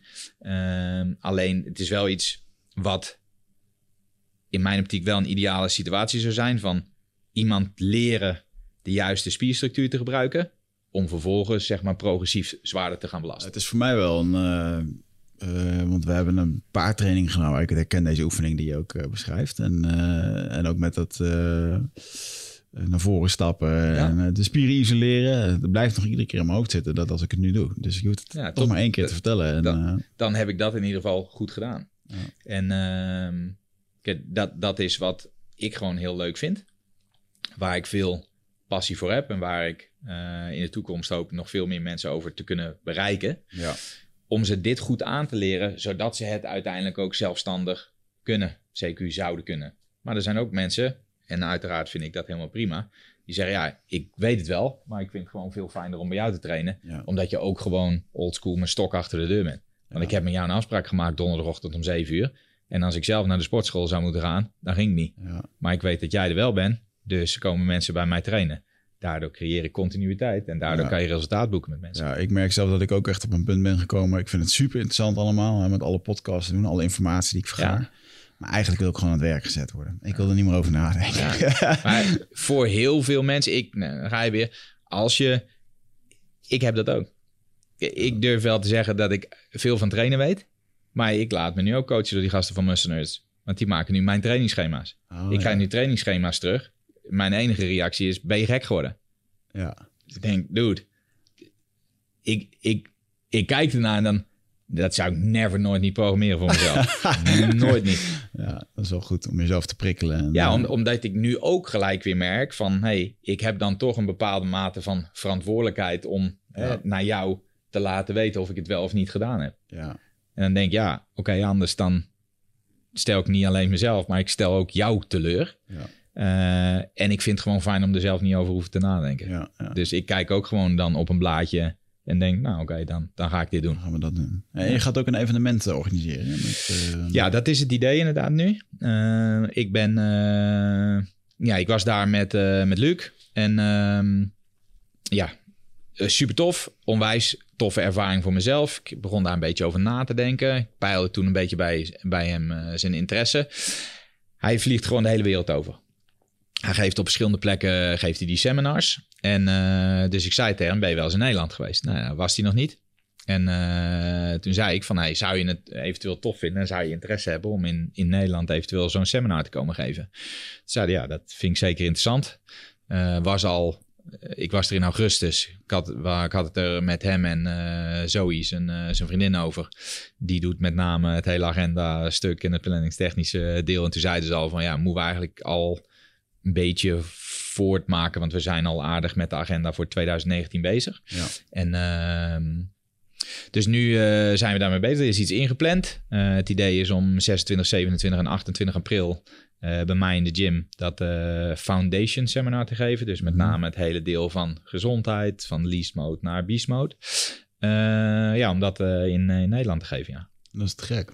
Ja, die, ja, vind ik heel te gek. Anders dan, dan zou ik het inderdaad niet doen. Ik ben daar, ja, ik, ik vind dat eh, veel trainers dit zouden moeten horen. Ja. En eh, weet je, iemand die, eh, en zo, zo begonnen we een beetje ook, hij heeft echt onwijs veel passie. Hij kan het voor mij op een hele toffe manier brengen. Ja, en hij is gewoon echt een machine en Ja. wandelende encyclopedie op het gebied van kennis. Voor beginnende trainers is dit niet is dit, te heavy.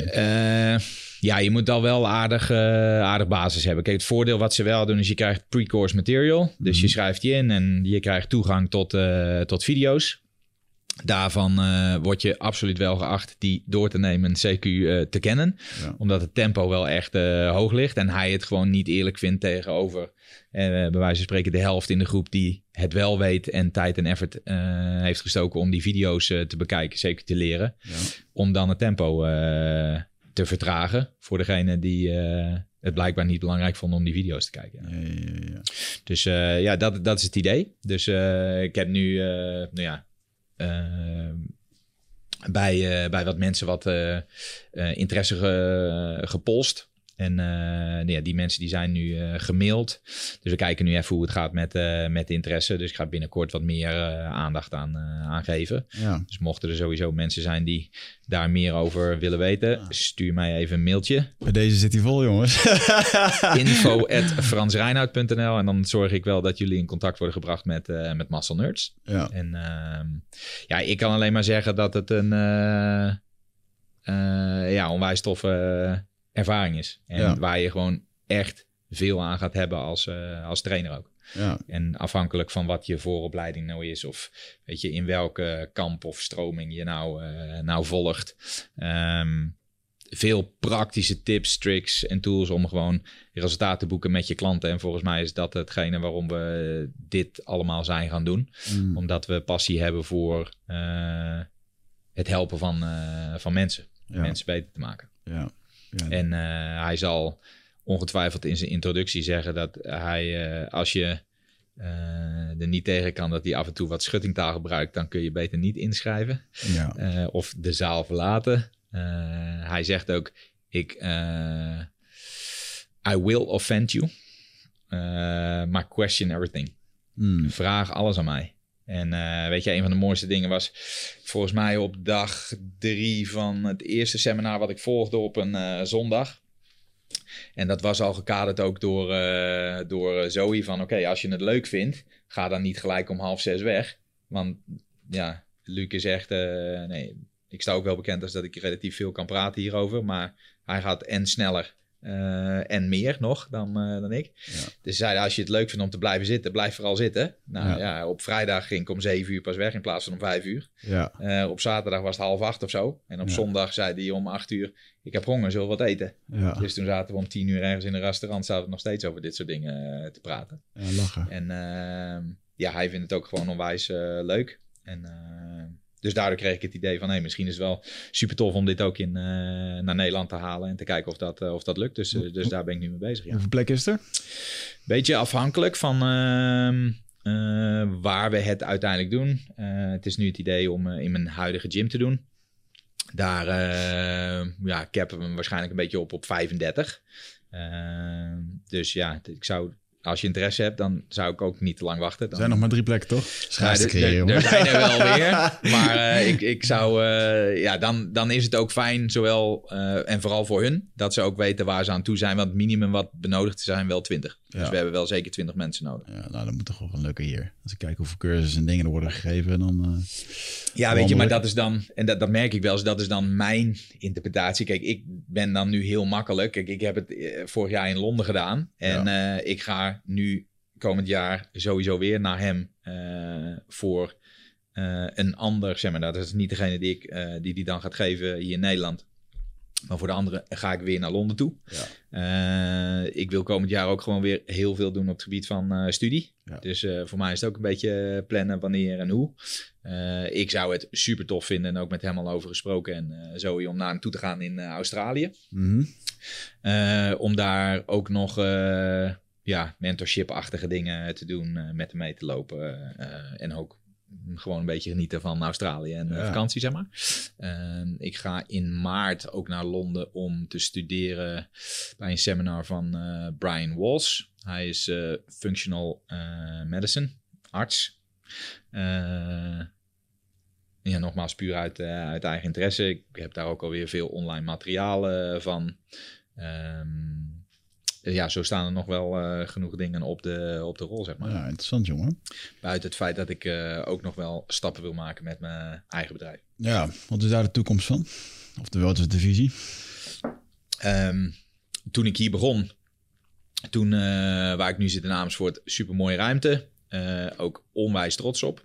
Alleen ik merk nu wel dat die ja, wat uit zijn voegen begint te, te barsten. Ja. small group training dat is uh, waar veel mensen uh, interesse in hebben om te doen. Ik doe max 1 op 4 omdat ik heel erg geloof dat je als trainer-coach maar maximaal vier mensen tegelijkertijd goed kunt coachen. Ja. Wat niet wil zeggen dat je niet meerdere mensen aan de gang kunt houden. Maar um, en nou ja, jij bent bij mij in de gym geweest. Is een mooie ruimte. Is ook prima grote ruimte. Maar als je je nu voorstelt dat er twee groepen van vier zijn ja, dan vind ik het persoonlijk al te klein. Ja. Ik wil vooral de sfeer van persoonlijk en het is niet te druk en je hoeft nooit op apparaten te wachten. Dat wil ik vooral zo houden. Ja. Dus ik ben wel op zoek naar een, uh, naar een grotere locatie. En zeker omdat ik samen met, uh, uh, met Volkert, met de therapeut, ja, wel echt plannen heb om, om daarin stappen te maken en dat we de business eigenlijk willen integreren. Ja. Omdat we eigenlijk meer geloven in het feit dat ja, veel, veel mensen, als ze gewoon zouden gaan bewegen, en dat kan dan bij ons op, hè, onder begeleiding van een trainer-coach, mm. dat ze al veel uh, de kans op blessures gewoon enorm verkleinen.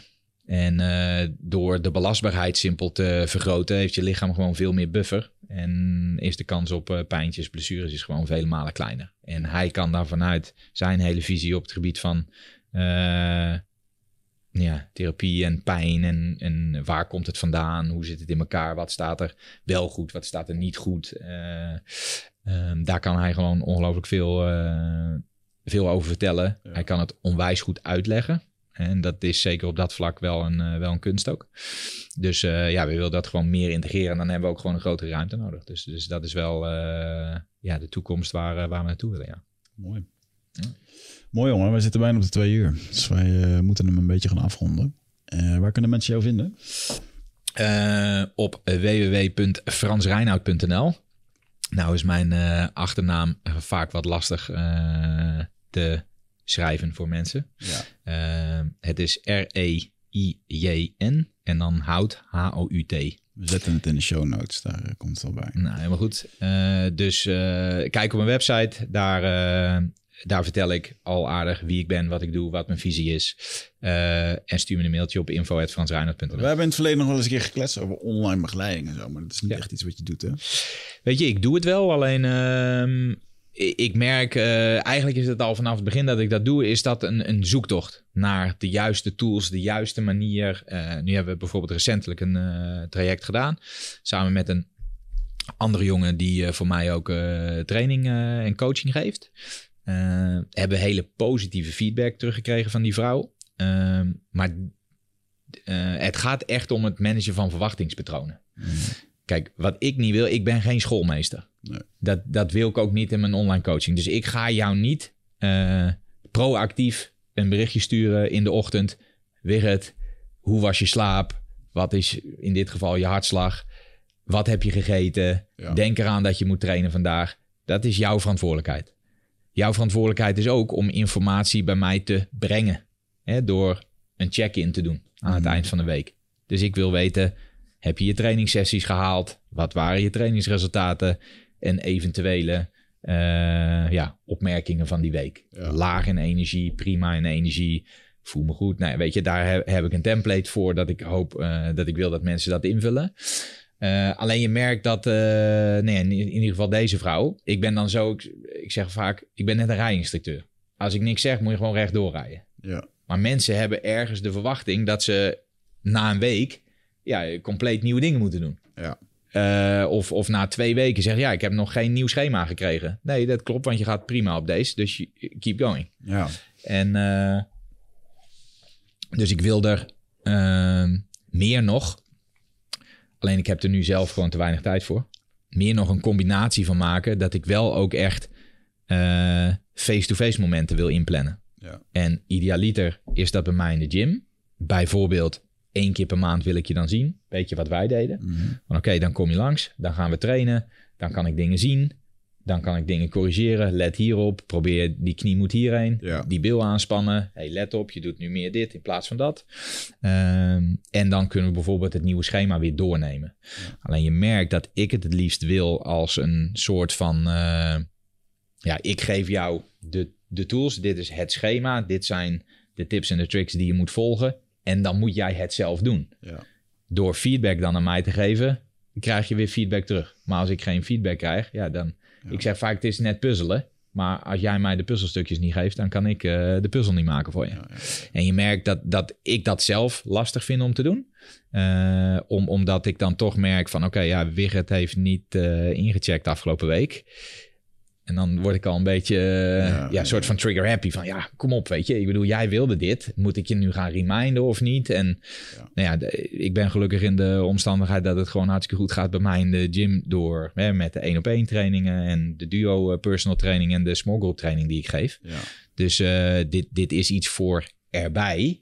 Alleen, weet je, als je daar veel over leest en je, je doet bijvoorbeeld echt een, en daar heb ik er een aantal van gedaan, een aantal van dit soort trajecten. Hè, bijvoorbeeld minimaal, toen ik begon zei ik het moet minimaal drie maanden. Ja, en nu ben ik er eigenlijk wel eh, steeds meer werk ik er naartoe dat, dat ik alleen lange termijn dingen wil doen. Dus, dus als je zoiets doet, dan, dan teken je in ieder geval in voor minimaal zes maanden. Ja.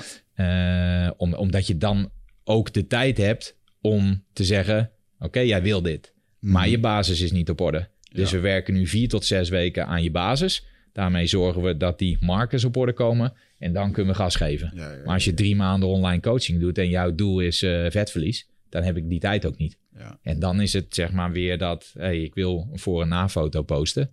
En eh, ja, daar ga ik wel steeds meer van af. En online coachen is gewoon echt moeilijk. Niet iedereen kan dat ook. Nee, man. Misschien is het mooier voor de mensen die bij jou in de groep training hebben gezeten of personal training hebben gedaan. Dat je je op een gegeven moment wat meer los wil laten en op die manier. Ja, dat was wel altijd het hele idee. Ja. Zo van, hè, en dan, dan zou je kunnen zeggen... eh, kijk, wat, wat het lastige bijvoorbeeld is... en dat, dat kun je natuurlijk zelf allemaal, eh, allemaal managen... en daar willen we zeker in de, in de toekomst op nieuwe locatie zeker naartoe.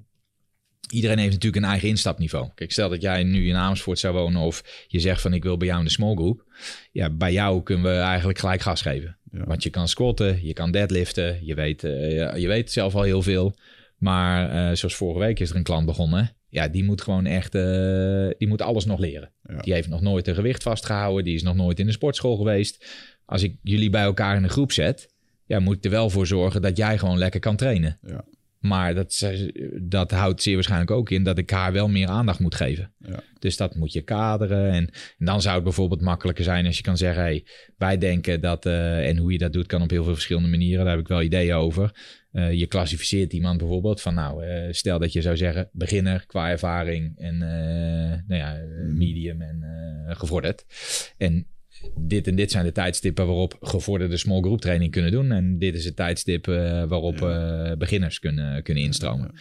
En dan kan je vanuit beginner kun je langzaam die kant op. En misschien houdt het ook wel in dat mensen, en dat doen we nu ook al wel vaak, ja, gewoon moeten beginnen met één op één. Omdat je dan natuurlijk de meeste tijd hebt om, om dingen te leren. Dus kijk even naar wat wij toen gedaan hebben. Wij zijn toen ook veel bezig geweest, de eerste training, met het uitvoeren van een split squat. Ja. En ik echt wel dacht dat ik te kon. Ja, ja, ja. of nou ja, je deed een variant, maar in mijn optiek was dat geen splitscot. Ja, ja, en nou ja, daar, daar hebben we toen wel een tijdje aan gewerkt, ja. en, maar weet je, je merkt gewoon... En ik hoop dat dat... Um, nou, in ieder geval, dat, dat is wat ik bij mij in de gym wil doen. Mm. de, de definities, et cetera, die, die ik ervoor gebruik... Uh, een van de mooiste complimenten die ik bijvoorbeeld ooit gekregen heb uh, van een klant van mij is, die was tijdelijk bij mij gestopt. En die was zelf aan het trainen in een sportschool en die ging daar deadliften. En toen was er iemand naar hem toegekomen en die zei, dude, waar heb je die techniek geleerd? Want je bent echt goed aan deadliften. Nou, weet je, dat, dat oh. vind ik mooie complimenten. Zei, ja, ik train me Frans. Weet je, als, als uh, mensen dat kunnen en, en mensen die daar lopen en die ook weten hoe het moet, die zeggen, nou, dat heb je goed voor elkaar. Dat, dat, uh, dat vind ik mooi. Ja, zeker man, dat is goed. Ja, nogmaals mensen, ik, ik ben fan van je, daarom, daarom zit je hier ook. En, en hij is ja, eindbaas in het, in het fitnessvak en, en gezondheidsvak tegenwoordig. Dank je, dank je wel voor, je, dus, voor de kans mochten de mensen hier eh, interesse hebben, je weet Frans nu eh, te bereiken. En eh, laten wij afspreken, als jij een keer wat nieuws hebt, dan ben je altijd welkom hier een keer je verhaal te komen. Goed, helemaal goed. Alright jongen. Dankjewel luisteraars, dankjewel voor het luisteren.